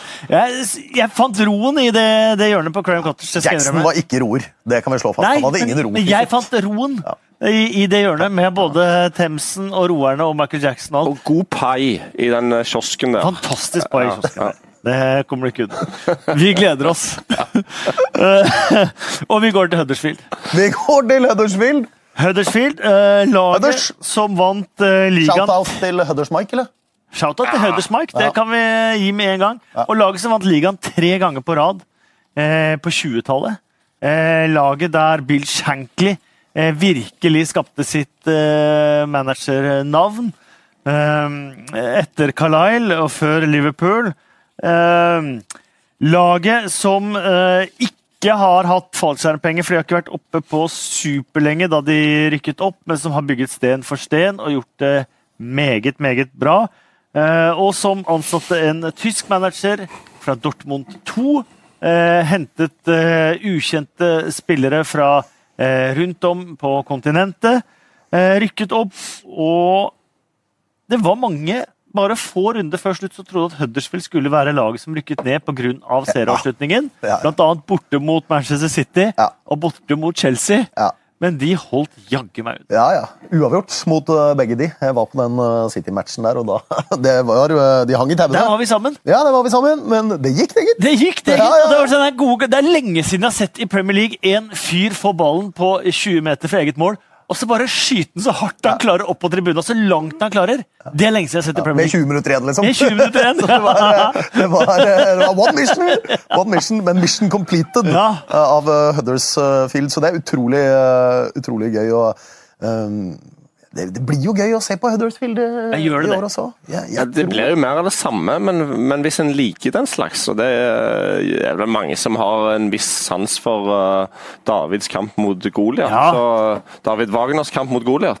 Så, så uh, jeg har uh, en kompis som er trener i Huddersfield, Andy Hughes, uh, som er first team coach der. og så har snakket litt med han i sommer, faktisk, og han sier jo at de er fullstendig klar over at det blir akkurat det samme et år til. Uh, Men de har tro på konseptet sitt. Ja. Har jo da fått henta inn en del spillere, åtte nye sist jeg sjekka. Ingen sånne uh, fantastiske signeringer, men legger vel opp til altså det, det han sa da, at De erkjente i fjor at det ble for vanskelig å være enslig spiss i Huddersfield, for de forsvarte seg jo ofte ekstremt lavt. Skåra Ja, de var målløse i 21 av 38 kamper. Sant? Det blir for lite mål. rett og slett. 28 mål totalt. Ja. Ingen færre i Premier League. Ja, så, sånn at Det er jo problemet. Sånn, de vet at de kan forsvare målet, men når motstanderen skårer, så må du liksom ha et eller annet grep for å, for å um, prøve å skåre, dine egne mål. og det, det var vanskelig for Huddersfield. Så det er en balanse der. og Det å være wing i Huddersfield er fryktelig tungt. For du skal være ned, og høyreback, eh, venstreback i forsvar, og så skal du fram og slå innlegg til en stor, sterk spiss i angrep. Så det er jo liksom der eh, nøkkelen ligger for dem, men det kommer til å være, se helt like ut. Kanskje kommer de til å tørre å presse litt høyere noen ganger. For veldig ofte i fjor, så ble det, i hvert fall utover i sesongen, så ble det bare sånn uh, håndballforsvar. Og det er vanskelig i Premier League i lengden. Ja, De hadde liksom to måter å spille på, Eh, og det var det. Men uh, når jeg sier at det blir gøy å se på Huddersfield, så er det jo fordi at alle elsker vel når det er på en måte, på en måte løve mot mus, og så er det musen som brøler. Ikke sant? Det er det som er eh, fett når de bitte små uh, gir lyd fra seg. Og, og det har liksom Huddersfield eh, eh, i seg. da. De kan klare å ryste noen storheter, og, og det syns jeg er kult. Og igjen, veldig særegen hjemmearena. Eh, Ja. Fantastisk fin stadion. Serverer selvfølgelig Yorkshire pudding i presserommet før match. John Smith Stadium, John Smith Stadium, ja. som er et lokalt Bryggeri. Det er det. eh, og jeg tror rugbyen spiller her også. Eh, det var hvert fall, de har i hvert fall klubbshop både for rugbyen og fotballen utafor stadion. Og hadde litt konserter i sommer som har ødelagt matta. litt. Uff, ja, en tredel av matta der er- ser helt fryktelig ut, faktisk. Så håper de får gjort Sensasjonen Little Mix, så vidt jeg vet. Ja, håper de får gjort noe med det. Jeg aner ikke de er eller hva de driver med, men eh, eh, det er sikkert litt miks av alt mulig. Jeg så likte det godt. eh, og en sånn uh, burger-kaffe-van som sto litt sånn utenfor. Sånn at i pausen når du kommenterer, så får du ofte aldri kjøpt det noe fordi at køene er så langt. Men den var visst litt sånn hemmelig, så der var det ikke, ikke noe kø. Fikk meg både litt eh, fries og kaffe i pausa. Det var eh, fantastisk. Så har de henta Eh. litt spillere òg, da? Var det ikke det? Jo da, de har jo Congolå eh, og Løssel har vel gått fra lån til permanent. Er Erik faste, ja. Durm har kommet. Eh, Ramadan Sobi. Ja, Fra Stoke, han som aldri slo gjennom der. Ja. En liten trollmann med ballen, det. Absolutt. Eh, Så noe har eh, Og kommet. uh, Joninho Bakuna. Ja. Bakuna Matata til deg, Bakuna. Junina Matata. Eh, Så noe har det jo Ja. eh, kommet inn der. Og så har det jo Ja! en mann vi liker! Alex Pritchard. Det er vår mann, Jon. Er det vår mann, det? Vår mann. Ah, kult! Startet i Spurs. Eh, ansett som et eh, kjempetalent eh, der. Mange ventet på at han skulle slå gjennom, bli den neste som skulle komme opp. Pochettino, ikke sant? Inn, kjent for å utvikle spillere. Alex Bridget klarte det akkurat ikke. Dro vel av gårde og spilte litt for Ove Røster sitt Fantastisk i Brentford. i Brentford. ja. Fantastisk. Amazing der. Så til Norwich. Helt utrolig god her òg. Der kom han permanent. Og nå da i Huddersfield. Ja. Og dette må vel være sesongen hvor han skal da endelig klare det. Eller Det er det jeg tror, for han kom jo øh, og brukte litt tid. Men de siste kampene forrige sesong så så man hvor god han var. Eh, I treningskampen i sommer har man til tider også sett hvor god han har vært. Jeg har sett et par av de. Han har vært helt outstanding. Kult. Eh, så jeg har store forventninger til Alex Pritchard, eh, vår mann. Liverpool ble tatt over av eh, Jürgen eh, Klopp. Mm.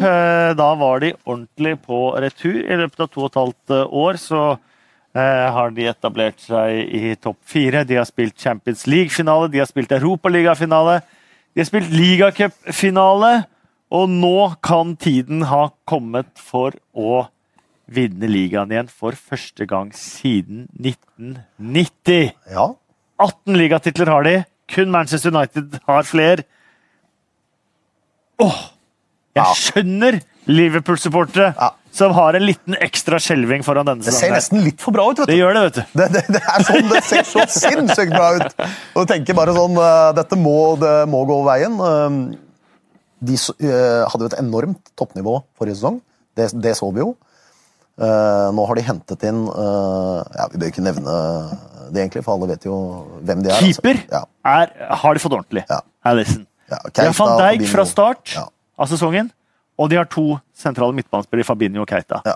I tillegg til Shakiri. i tillegg. 177 millioner pund uh, på Keita, Fabinho, Shakiri og Alison. Og så kan vi jo legge på 75, var det det, for uh, Van Dijk. Van Dijk. Så de har jo brukt penger, og de mener alvor. Eh, og det ser sinnssykt bra ut. Men det vi alle lurer på, er jo Klarer følge opp? Har visst vært uh, like god Jeg i, syns han har sett sharp ut eh, etter VM. i uh, preseason her. Jeg tror han åpenbart var skada i VM for Egypt. Tror Ja. det var nærmest en nasjonal uh, hemmelighet hvor vondt han egentlig hadde i den skulderen, men uh, var nå der. Hvis han, ja, det ser ingen grunn til at han ikke skal ha en ny fantastisk sesong. Om han kommer opp på det antallet mål, det vil bli vanskelig. Men nå er det faktisk stor bredde i Liverpool-stallen. Og Jeg husker jeg satt i sommer Nei, Toskana, Jon, med en god oh. uh, Barolo. Ja, Og du sendte meg noen bilder der. Ja, nyheten tikka inn Sterke scener. om at uh, Klopp hadde signert Shakiri. Ja. Og så første min sånn uh, gutt-reaksjon på det Shakiri, liksom. En, egentlig en sånn litt ufyselig spiller. Mm. Uh, Nevemagnet ja. fra Alpene. men så tenker du at hvis det er én manager i uh, verden som kan bare plukke av egoet til en spiller og få satt han inn i et system, så er det jo Klopp. Sant? Eh, intelligent signering, det òg. En mann som kan levere sinnssykt høyt oppe, eh, som nå får konkurranse eh, for første gang på lenge. Så eh, det er mye det står respekt av det Liverpool gjør, både Klopp og i kulissene der, og med investeringer og alt mulig. Så ja, dette blir spennende. Dette ja. blir spennende. Kan det nå helt opp forbi de lyseblå? Det er jeg litt i tvil om, men Den puta er sikkert folk sugne på. Ja, vi har jo Liverpool-fansen. Egendesignede puter. Ja, Det er veldig bra. Altså. Jeg hang meg fast i noe lim her i sted, men jeg håper det går bra. Her er òg en Liverpool-pute. Ja da. Jeg tror hun som har designet det, er Liverpool-fan, faktisk. Ja. Og Firmino er jo For det er han der, ikke sant? Jo, mm. Eh, er jo på en måte nøkkelen her, da. Eh, hvor mye arbeid han legger ned eh, som gir plass til Sala. Og det har jeg også tenkt på at Tenk på alle de som skal møte Liverpool. ikke sant?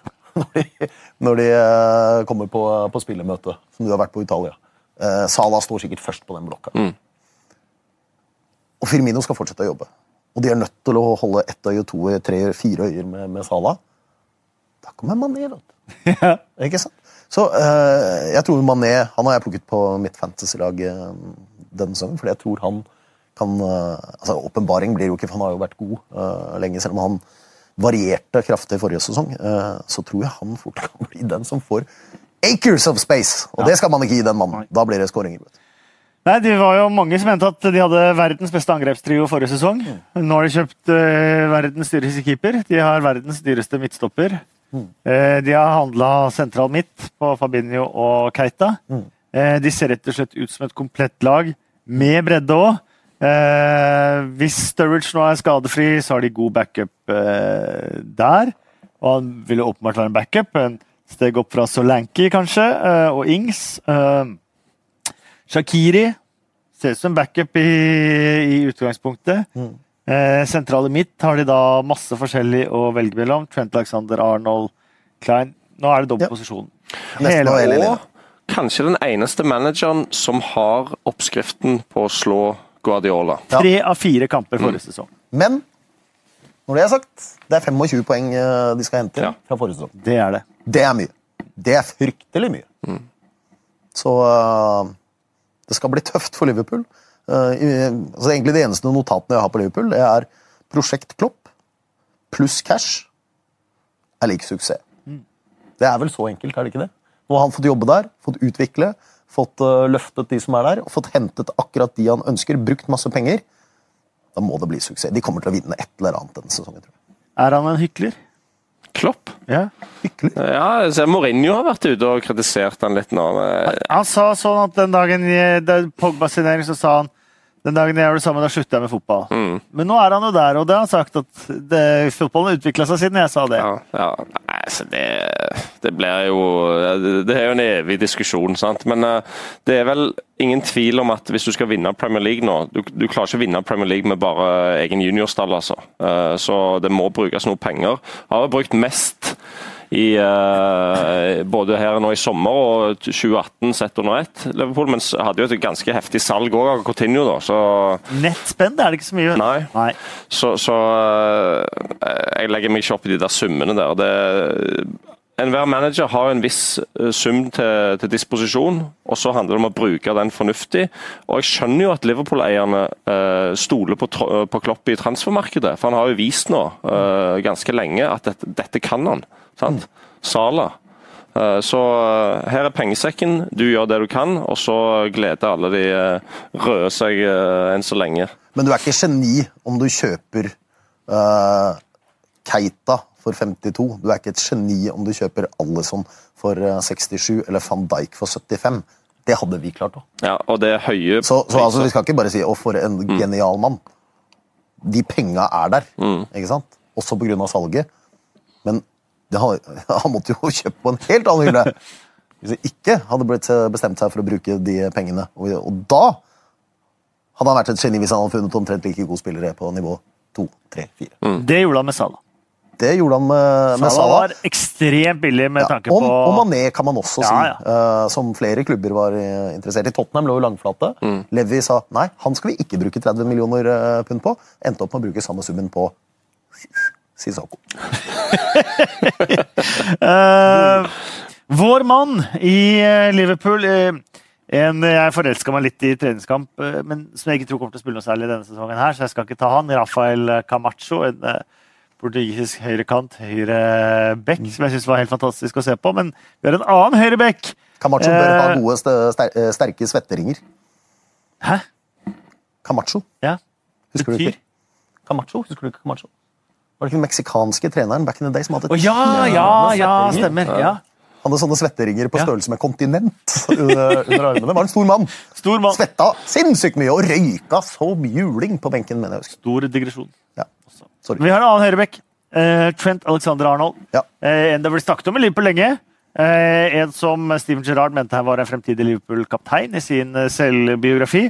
Eh, som kanskje har fått en litt kortere vei til laget enn man hadde trodd, med Klein sin eh, skade, annet. Eh, presenterte seg for alvor da han banka en frispark mot Hoffenheim eh, forrige sesong. Endte opp som VM-spiller for England etter sesongen eh, forrige sesong.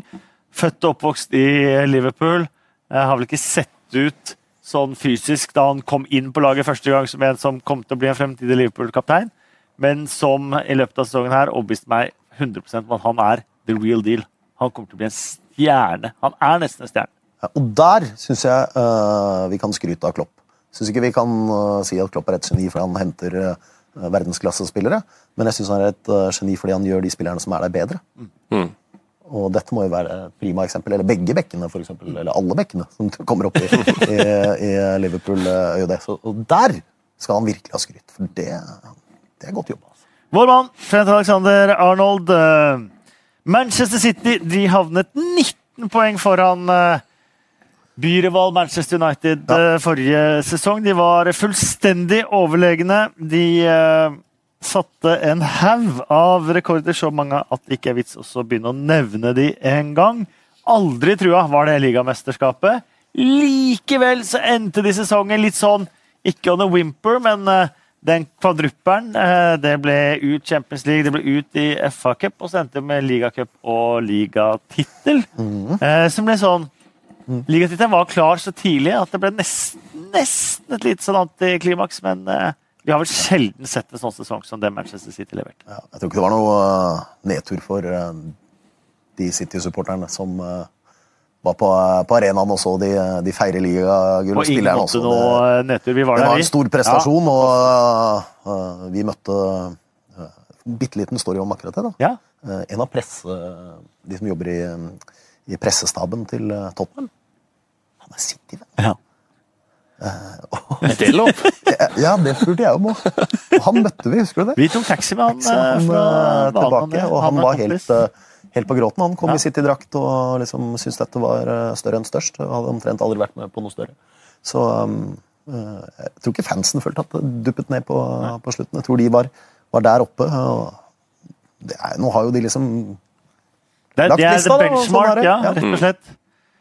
Eh, men det var ikke alle som hadde trodd på det etter første sesongen til Guardiola. at det plutselig bare dunk, så skal alle puslespillbitene bare sitte. Nei, eh, og Guardiola har jo sagt det offentlig òg, at han, det å vinne Premier League er fryktelig vanskelig. Altså Høyt nivå på eh, ikke bare på noen lag, men på alle lag. Så det er alltid en fight. Eh, Så men så har han Guardiola har jo den perfekte mentaliteten her. Det, det er mange City-spillere som har hatt kort pause til VM, men så er det Community Shield her, og de eh, vinner greit mot Chelsea. Han snakker bare om sult.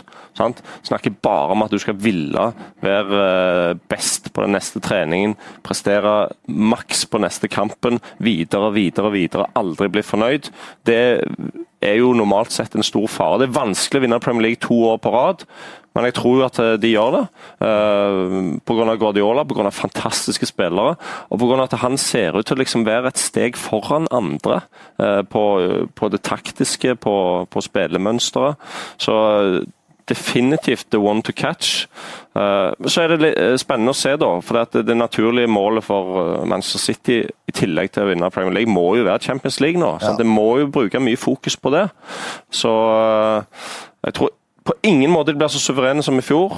Ingen tror på, men de er jo den klare favoritten for meg, i hvert fall. Jeg syns det er interessant når vi snakker om City, å prøve å finne hvor er, hvor er svakheten. For vi vet jo alt jeg er sinnssykt gode på. Nå har de knust alle mulige rekorder, men hvor- er svakheten? Hva, hva du, Brede? Nei, altså det er jo det er mange som prøver det. Jeg syns Liverpool eh, har vist litt hva som er svakheten. Men så er det, og det er jo liksom høyt intensivt press med enorm kontringsstyrke. Det, er- det sitter de sårbare mot. Men det er jo fryktelig få lag som er i stand til å gjøre det mot dem. Så, så det er mange som sikkert har lyst når du møter Manchester City, å gå rett i strupen og presse og vinne ballen, for da er det ganske tomt i forsvaret der. Men problemet er at de fleste som prøver, klarer aldri å få tak i ballen, og så blir det bare utspilt. Så eh, klare flertall av lag i Premier League de kjører jo liksom en sånn Huddersfield-approach når de møter Manchester City og står på egen halvdel og prøver å stenge igjen. og Da er det for mange tidsspørsmål før du slipper inn mål. Så det, Klopp har vært nærmest, men ligaen har til gode å finne, finne svaret på det spørsmålet. her. Eh, vi må tilbake til Sir Alex Ferguson og over ti år tilbake, før et lag, siden et lag vant ligaen to år på rad. Det å få bevare den sulten det har vist seg vanskelig både for Mancini og Pellegrini og Moyes og hele gjengen som har, uh, har prøvd. Uh, også for Ancelotti og Conte og Mourinho og, og alle. Uh, jeg føler Guardiola han har det der fokuset på det der sulten hele veien som er litt Fergusonsk. Men det er én ting han ikke får gjort noe med, og det er hungeren til de andre. De rett bak.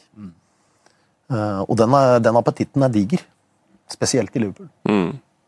Ja, men Guardiola har jo erfaring med dette både fra Spania og Tyskland, med uh, serial winner, som det skrives i Han engelsk da han kom inn til Bayern München, så hadde han jo han hadde jo ingenting å vinne, for at eh, de hadde tatt trippelen mm. sesongen før han kom. Måtte finne på en ny turnering å vinne. Mm. Vant Norway Cup til euro. Eh, Vår mann i eh, Manchester City, Phil Foden. Ja, jeg tenkte meg det. 18 år. David Silvas kanskje naturlige arvtaker. Ja, eh, er jo litt samme typen. Fikk jo spille Community Shield nå. Vaska vel opp med en assist også. Ja, Ja. Vi har stor tro på han. Vi så jo han litt sånn Litt betutta uten Premier League-medalje da de fikk Ja. Premier League-trofeene sine. For han kom ikke innpå og fikk den femte kampen sin der i, eh, mot Huddersfield. Ja, nei, det var litt tungt. Han var, ja. tok det litt tungt. Så det at han var litt uh, luta litt på hodet ja, der. Og, Ikke så rart, det. eh, så, men eh, hvis, hvis man går fra akademiet til Manchester City til førstelagsplass eh, Det er en så sinnssyk prestasjon, hvis en, hvis en klarer det. For Tenk Manchester City som bare støvsuger hele verden for, for de store ungdomstalentene. Eh, Men det å være i et sånn akademi opp til et A-lag, og i hvert fall når det gjelder Manchester City, det, det spranget er så stort at det, det, det er nesten umulig å forestille seg. Så dette er jo et helt spesielt talent, unikt talent. Og øh, viser jo når han får sjansen på A-lag at øh, laget ble ikke noe svekka fordi øh, Foden er inne. Så, så kanskje kan han være den som klarer det. Så ligger det vel litt sånn politikk i dette òg, tenker jeg. At City ikke bare kan bli sett på som en sånn eh, stor kjøpefest. Foden eh, har nok en spesiell eh, plass i hjertet til fansen, men jeg tipper han også har det hos eh, Guardiola og, de som jobber i City, for da kan de peke på han og si ja, men se her, vi har jo også klart å få opp eh, Han gjorde det i. Barcelona òg. Busquets blant annet var jo, kom jo med Guardiola da han ble A-lags- eh, A-lagstrener der, og etablerte han som verdens beste anker. Et av de, i hvert fall. Manchester City blir definitivt eh, laget å slå. Crystal Palace var laget alle slo i starten av forrige sesong. Starta med sju tap uten å skåre mål. Sparka manager Frank de Boer etter fire kamper. Ansatte Roy Hodgson. Det gikk eh, riktig så bra. Um, Ja, for en, øh, for en gjenreisning av Hodgson øh, som fotballnavn og fotballmann. Og det var veldig hyggelig. Han ble jo latterliggjort på mange måter Ja, øh, etter øh, fiaskoen med, med England. øh, Og så kommer han tilbake nå og bare Akkurat satt bare kri kritikerne på plass og gjorde en outstanding jobb. Du kunne nesten tatt han med på årets manager. ja uh, hyggelig for Roy, som, uh, som er min gamle mentor, at han fikk øh, oppreisning i, i managerkretsene. Uh, å en meget god jobb. og um, jeg ville jo trodd at Crystal Palace i år kunne blitt klink topp ti-kandidat, kanskje til og med nummer syv-kandidat, hvis de hadde hatt penger. Uh, det var et kort på eh, tekstmelding med Roy i sommer, og han er litt frustrert, vet du. For Ja. det er lite transferbudsjett. Og det skyldes at de bygger ny uh, tribune på Sellers Park. Det blir fantastisk. Ja, det blir fantastisk. Det Hvilken tribune altså Der er Langsiden? her. Der Langsiden der, her. ja. ja stemmer det. Eh, Men det er liksom 100 millioner pund, og så er det noen store avbetalinger visstnok på, på Sarko og Benteke til Liverpool denne sommeren, så det er lite å rutte med. Så De har jo fått han uh, Koyate fra Westham, som er en eh, stabil, god spiller. Max Meyer eh, på fri transfer, men høy lønn fra, fra Schalke. Mayor of London. Eh, ja, Mayor of London. som- Bedre enn eh, bedre enn han Boris. eh. Så Hodgson er nøkkelmann Men for de har Palace, se, men de handla keeper allerede i januar, Ja. som har kommet nå. Mm. Guaita. ja. Det har vært en sånn mangelposisjon. Ja, det kan du si. Spennende å se kampen der med, med konjakken Hennessy. Ja, Konjakken må vel stå! Ja. Eh, Men det viktigste, i tillegg til Hodgson selvfølgelig, er jo Saha. Sant? eh, Som ryktes bort til stadighet, men som, eh, som er en South London boy fra Croydon. Og kanskje den viktigste enkeltspilleren for noe lag Ja. i Premier League. Enig. For jeg tror ikke full, nei, eh, Palace tok et eneste poeng uten Saha Jeg tror de tok null poeng og kanskje skåra ett eller to mål Ja. i kamper uten sa. Tenk på det! Ja, tenk på det! Og han er jo fantastisk. sant? Eh, Enmannsangrep. Så de hadde mye skadeproblemer i fjor. Scott Dann, viktig spiller. Punchen, viktig spiller. Langtidsskader begge to. Saha var ute i store perioder. Da tok de ingen poeng. Så at de, de er jo eh, veldig avhengig av at han holder seg frisk, da. Alexander Sørlotte? Ja, det er jo eh, Han er jo en Hodgson-spiller på alle måter. Sant? For han er stor, sterk, han er profesjonell, han er skandinav, han er lagspiller. Uh, Skåra heldigvis et mål her nå i preseason. Tror det er ganske stor sjanse for at han starter. Eh, Det kommer mye an på hva Benteke gjør. Eh, Er det den gode Benteke eller den håpløse Benteke vi får se? Og Conor Wickham. Og Conor Wickham, men han er også vanskelig å stole på med skade. Hvor lenge har han vært ute med skade? 609 dager. Det er lenge. Eh, Så det er en fair sjanse for at Sørloth blir eh, nummer ni og startmann på topp for Palace, men det er jo avhengig av at han skårer mål. Og Det er liksom den store X-faktoren for en spiss. Du kan være god, som jeg syns han var. Spillemessig god, Alexander Sørloth. Imponerte i mange kamper, men trenger skåringer. Vår mann, da. Eh,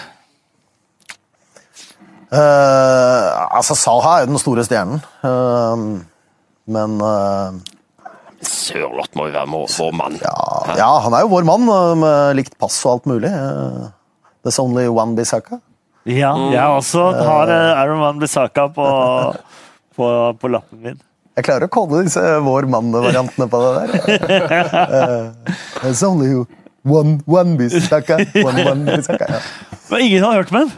Kom inn på høyrebekken der midt Ja. i sesongen forrige sesong og var omtrent med man the match i tre-fire kamper på rad der. Ja, jeg hadde hørt om han, men han var jo junior når jeg var i Palace, og må innrømme det. Det var ingenting som tyder på at han skulle bli, eh, skulle bli A-lagsspiller. Men all ære til gutten. Uh, bra fysikk og sånn. Trodde han var litt for beskjeden, litt for dårlig taktisk, men han klarte seg veldig bra.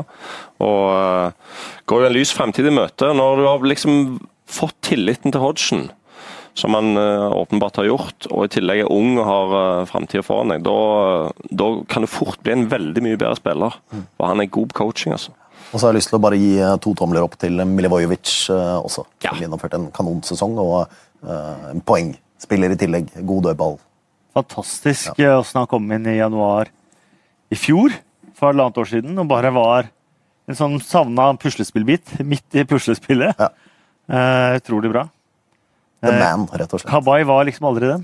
Han er borte nå. Kabay er borte nå. Ja. Kabay er borte nå. Bye bye, Kabay. Skulle jobba jeg skulle jobba i sånn eh, en eller annen Hva? Bye. Du? Eh, da skal vi Skal dere få lov til å gjøre det dere har gleda dere til? Ja, Gå på do, eller? Eh, nei. For at jeg lurer på om jeg eh, kan det. Sånn er det jo med Tabell, direktesending eh, tabelltipset. Ta Brede først, da. Da tar Brede først, Så løper jeg bare på toalettet, og så kommer Du jeg skal tilbake. skru av mikrofonen din. Og det er godt tips! Ja, Det gjorde ikke. Peter eh, Biggery den gangen. Han gjorde ikke det. Nei. Vi fikk være med han på, på, på do.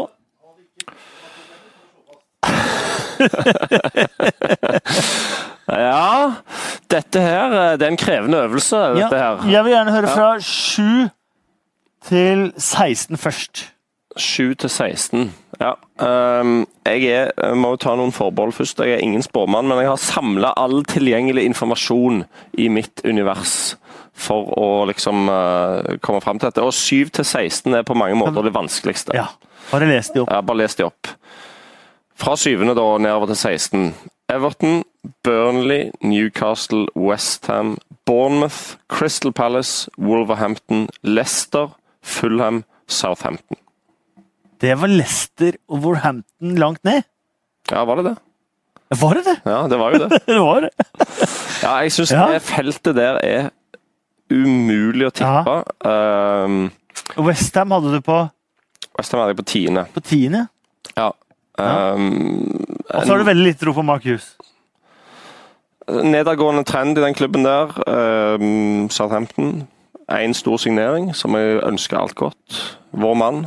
Vår mann. Uh, men uh, uprøvd på det nivået. Uh, så kan fort bli en litt tung sesong igjen for Southampton. Men i dette feltet her så er det, kommer det til å stå om veldig få poeng. Ja. Sant? Om du blir nummer uh, 7 eller 16, det kan fort bare være 10 poeng som skiller det. altså. Skal ikke glemme at alle lag under topp seks forrige sesong hadde negativ målforskjell. Mm. Det sier litt om forskjellen, eh, forskjellen der. Eh, Da vil jeg gjerne høre 17.-plassen og ned. 17. Brighton, 18. Watford, 19. Huddersfield, 20. Cardiff. Og før du tar topp seks da, Mm. så skal jeg høre eh, Jon. Ja, hei. Syvende til 16. Syvende til 16. Det er jo den det er jo den miksen som er helt umulig å treffe på. Uh, nå hørte jeg ikke bredden sine, uh, fordi jeg var ute litt tur, men uh, nummer syv Everton. Åtte Westham, ni Leicester, ti Palace, hvis Saha blir. 11 Newcastle, 12 Southampton, 13 Burnley. Tror de faller litt pga. at uh, uh, ja, Av mange grunner, egentlig. Uh, ingen trær gror inn i himmelen, osv. Uh, 14 Wolves. 15 Bournemouth. 16 Fulham. Ja. Eh, Skal vi da ha 17 nå? nei, Nei. du hadde Leicester på, 14. og du hadde Leicester på. Uh, de har jeg på niende. Ja, der skal vi se. Uh, da kan vi få 17 til 20. Uh, 17, der har jeg Brighton. Uh, og så Nedrykks-trioen, som jeg tror er helt like bred. Ja, De fire siste er like hos oss. Ja. Brighton, og så Watford under streken. Uh, Huddersfield, og til slutt da Cardiff. Det som overraska meg da jeg tittet i går Jeg skjønner ikke egentlig at det gikk meg hus forbi. Det gikk meg hus forbi at Havi Gracia ikke fikk sparken. Nei, det, sittende, det er jo helt utrolig, I egentlig. går ble jeg sittende sånn Hvem er det som er manager i Watford etter at Gracia fikk sparken igjen? Og så måtte jeg bare inn på Wikipedia og så bare Han fikk ikke sparken. Nei. Eh, Det overraska meg. Ja. Men artig, det. Det, det, er jo, det er jo artig, det, men han kommer jo sikkert til å få sparken. Det Ja. gjør det nok fort. Eh, Da kan dere sammen eh, si sjette og oppover. Jeg vet ikke om dere har likt eller ikke, for jeg har ikke sett tabelltipsene deres. Ikke jeg heller. Nei, det, det tror jeg ikke vi har. Sjette, sjette. Sjette har jeg Arsenal, Tottenham. Oi. Femte. Chelsea, Eh, Chelsea, ja. Helt riktig. Oi. Fjerde. Arsenal. Manchester United, Dette her er jo ordentlig forskjellig. Det er morsomt. Tredje. Manchester United. Tottenham, Andre. Liverpool. Liverpool, Og første. City. Ikke Norwich City, dessverre. Men Men det var, eh, det var ikke helt ulikt. Det var litt miks i topp fire. det, det var de to øverste hadde likt, men eh, fra andre, de fire siste. tredje til eh, sjetteplass var det jo helt kokos, begge to. Helt kokos. Jeg tror Arsenal eh, får en oppsving denne sesongen. Eh, jeg tror det blir noe Det har vært noe uforløst der som eh, kommer. Aubameyang tror jeg blir en, eh, får en kanonsesong. Eh, så skal de vel ikke spille Champions League. Det hjelper jo alltid på. Så jeg tror de er tilbake i topp fire. Eh, Da har dere tatt eh, tabelltipset. Vi skal få et par andre ting også. Så skal vi ta fem kjappe helt til slutt. Mm. Men først eh, så bare dere finne tre unggutter i Premier League nå og se opp for før den kommende sesongen, eh, Brede. Ja, da har jeg valgt uh, Cézinho, selvfølgelig, for Fulham. Uh, alles øyne på han. Louis Cook, Bournemouth. Mayor of London. Uh, Max eh, Meyer, 22 år, men har spilt fem år i Bundesliga. Uh, Han er en liten telt på han òg. ja. Uh, jeg skal innrømme jeg har ikke sett han veldig mye, men så litt på han her eh, i uka. Og um, bra spiller. Stor rutine til tross for ung alder. Hvis han eh, finner seg til rette Han ville til Crystal Palace, og viktig poeng for Roy Hodgson, så kan han bli bra. Jon? Ja, eh, vi har jo eh, vært litt innom paradiset som vi trekker fram. Jeg kan bare si det først at jeg har den godeste Cézinho på lista mi, Ja. jeg også. 18 år. eh, 16 mål, vel, i, i championship. Fantastisk. Fra bekk til, til kant osv. Phil Foden har vi eh, Ja. snakket om. Ja. Eh, 18 år. eh, eh, Smått utrolig, ikke sant? Hvis han skal klare det eh, fra eget akademi osv. Og så har jeg tatt en eh, Jeg var veldig lenge inne på han eh, Chelsea eh, Hudson Odoi. Hudson Odoi, ja. Eh, Så jeg vil ha med han på en ja. måte også, for en eh, så utrolig morsom spiller å, å se på. Og Er født i 2000? Det tror jeg det. Det tror jeg òg. Det er helt sjukt. Uh, vel samme da som Phil Foden. Phil Foden tror jeg faktisk er 99, år eldre. Uh, okay. Mm. uh, men ikke han kunne vært med. Og så Dette er jo litt kjedelig, da. Men eh, er ikke Rashford bare 20 år? Ja. Hvorfor skal ikke han være the one to watch eh, hvis han får tillit? Hvis han får tillit. Så eh, jeg slenger på den. jeg. Eh, noen nye kjøp til ligaen Ja. som dere har mer merka dere? Som dere er spent på? Må det være nye kjøp, eller kan det være spillere som kommer opp?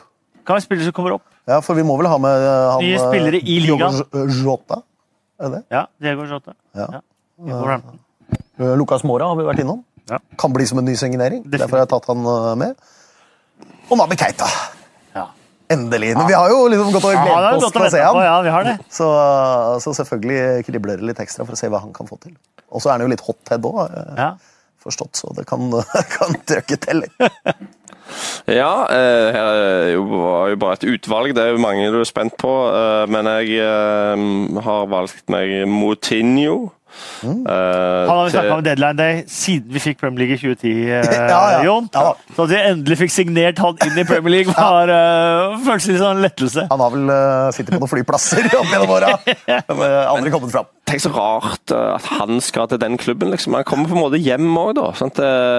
Fullt av portugisere. og Jeg sånn, skal så- love deg én ting, at på fredag så sitter det mange gode portugisiske fotballspillere og bare Uff, telefonen ringte ikke.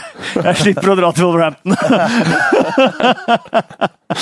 uh, ja, en annen som, eh, som er Det er jo en stor signering, men uh, Alison til Liverpool mener jeg er, kan fort bli avgjørende for om Liverpool vinner ligagullet. Uh, fantastisk keeper.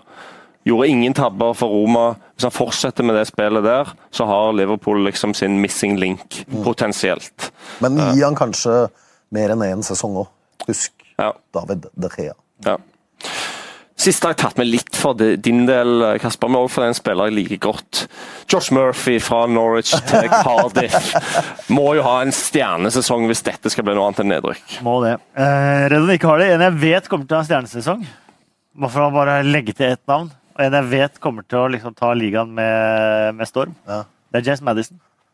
Ah, Eh, jeg våger nesten det, den påstanden at eh, Leicester ikke er veldig svekka etter tapet av Riyad Mahrez med kjøp av James Madison. En fyr som har spilt i League One, eh, i skotsk Premier League og Championship og blitt sparka i stykker i alle de tre ligaene. Så har jeg selvfølgelig sett mange matcher med han. Hver kamp to til fire gule kort på motstandere, reiser seg opp, børster det av seg og herjer dem, rett og slett. Og var Eh, linket til mange klubber. eh. Linket til mange klubber, og, eh, og det nevnte jeg på 100-timersen i går òg. Eh, en som ser ut som kanskje kan få gjennombruddet sitt. Endelig, for det er også en jeg har fulgt lenge fra Birmingham og til Leicester. DeMarie Gray. Ja. De to sammen tror jeg kan bli helt utrolig morsomt for Leicester-fans å, DeMar Gray har en sinnssyk skuddfot når han Ja. først treffer. Men han må jo treffe først. da. Da skal vi Kan jeg bare ta med avslutte en kjapp uh, nyhet, eller? Ja, vi skal ikke avslutte riktig ennå. Ok? Nei, eh, for vi skal ha fem kjappe. Og så skal vi ha et par innspill fra Twitter. Ja, for dette er et innspill fra Twitter, så da kan vi spare Ja, dette. mm. Uh, Henrik Ekås Berge spør det første av uh, de fem kjappe. Hvilken manager får sparket først? Uh, uh, Watford. uh, Jeg, jeg henger meg på Gracia. Gracia. Gracia. I og med at vi trodde han hadde fått fyken allerede. Ja. Hvem skårer flest av Sørloth, Moi og King? Eh, King. King. Hvem har den fineste drakta i Premier League? Av de nye som har kommet, det Ja. har ikke jeg sett alle. Altså. Men uh, mm, Dette var kjapp, fem kjappe. Ja. Ja, det er ikke kjapt, men jeg kjører full, av, selv om det blir skutt ned av sånn lojalitet. Men det er en fin drakt. Den synes jeg var vrien. Uh, Hva svarer jeg for Fineste deg? drakten i Palace. nærheten er Roma, men uh, Wolves det er så ute med inne. Tenk, tenk å gå er Wolves. da. Hvem blir årets overraskelseslag i Premier League? Uh, Wolves. ja. Hvor mange ligamål ender Daniel Sturridge opp med? Fem. Fem. Hvem blir toppskårer i Premier League denne sesongen? Salah. Kane. Da tar vi eh, kjappe spørsmål fra Twitter. Hadde du et Twitter-spørsmål, eh, Jon? Ikke et eh, Twitter-spørsmål. Twitter-nyhet. Jeg så Twitter han òg, nemlig. Det har skjedd ting i Premier League, eh, og det er eh, vår alles venn Joe Hart.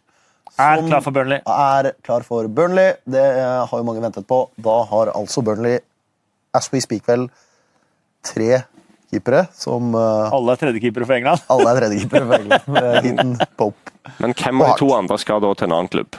Pope er jo skadd til januar. Ja. Heaton er vel skadd og ønsker seg vekk. Så eh, Super Joe skal inn og slenge seg til venstre. Er litt dårlig til sjanse til dere. Det bare står ved den ene stolpen der, så går det bra. Eh, Bjørnar Felde, ja, det var innom det. Kan dere snakke mindre om Norwich den kommende sesongen? Takk på forhånd. Men så eh, spør eh, Eirik Aase, mannen bak Championship Norge, en side Ja. folk burde følge. Bør James Madison bruke slips eller sløyfe når han mottar prisen som årets unge spiller i Premier League på slutten av sesongen? Uh, siden han er uh, ung spiller, så må han da gå for sløyfe. Det er litt mer hipsteraktig. Bør gå for det. Hawk eh, går eh, eh, eh, Hawk g spør til, ja, eh, eh, til tross for en ekstraordinær sesong sleit City mot Liverpool pga. det høye presset. Hvilke taktiske grep mener du City må gjøre for å slå Liverpool når de møtes denne sesongen? Spille gjennom to presseledd med én pasning. Var ikke det et veldig konsist svar på det spørsmålet? Når uh, gegenpresset kommer, så må du rett opp på kant inn i uh, hullet der, eller spiss på gjenlegg. Så er du rett på backfireren. Eh, Du får det siste spørsmålet fra Sigve Ravnomd også. Ravnomo, beklager. Hvordan reagerer en spillergruppe når en såpass suksessfull trener som Conte får sparken? Er det vanskeligere for nye trenere å få støtte fra garderoben? Har Hangeland noen eksempler for sin egen karriere eh, på at en trener som har suksess, har dratt? Ja, eh, Mark dro fra Fulham etter å ha blitt nummer åtte. Det må kunne kalles suksess for den klubben der. Um, det kommer hei, Alt koker ned til det personlige forholdet mellom den enkeltspilleren og manageren. og Hvis en skal tro på det som, det som kom ut fra Chelsea i fjor, så var det en konte på kant med en del av, eh, av de uh, viktige spillerne der. Så det kan godt være at eh, mange syns det var greit, men jeg vet jo ikke. Uh, Så det, det er i hvert fall sånn at Når du får en ny trener, så er det avgjørende er jo at spillerne ser på det som en oppgradering totalt sett. Og Det kan være at mange gjør det i Chelsea med Sarri, men eh, det får vi se. Det var og sesongens første Premier League eh, Nei, pod, Premier League-podkast. Premier League-podkast! Som skulle bli ca. en time. Den Ja. endte opp En time og 1,45 tre kvarter. Ja, Ja, det, det er flott, det. ja. Fint, det. Og så kommer det en til, som tar de ti andre lagene som vi ikke har snakket om. Eh, Det er med Jan Henrik Børsli og Petter Myhre. Ja. Blir den så bra Eh, som denne, tror du? Antageligvis ikke, nei. Jeg, Altså, sier- jeg sier til dem at den kommer til å bli bedre. Ja, Så, ja, Uh, men til dere at den kommer til å bli dårligere. Brede og Børrestad, det er B. Det er B-lag, det. vet du. Hæ? B og B. Nei, det er BB. BB. BB. Og banens beste. Ah. Kasper Bikestad. Men det var i hvert fall utrolig hyggelig å ha dere i podkast. Tusen takk for det. Ja, for at dere er ofte en, en i Stavanger en i Bergen. Og veldig ofte dere ikke kan være med på podkast. Så Ja. jeg setter stor pris på, på det. Tror jeg lytterne gjør òg. Tror jeg de som har sett på 100-timerssendingen, gjør også. Jeg glemte at vi var på TV. Ja, man gjør det litt. Um, og det er et godt tegn. Det pleier jeg ofte å si til Ja. uh, de uh, folka vi har i studio når vi har sending. Uh, 81 timer igjen. Ja, Når vi sitter her. Når du hører på dette her på podkasten, så er det antageligvis mye mindre. Ja. Uh, Så takk for at dere hørte på podkast, og heng med for de ti andre lagene og tabelltipset til Børsli og Myhre.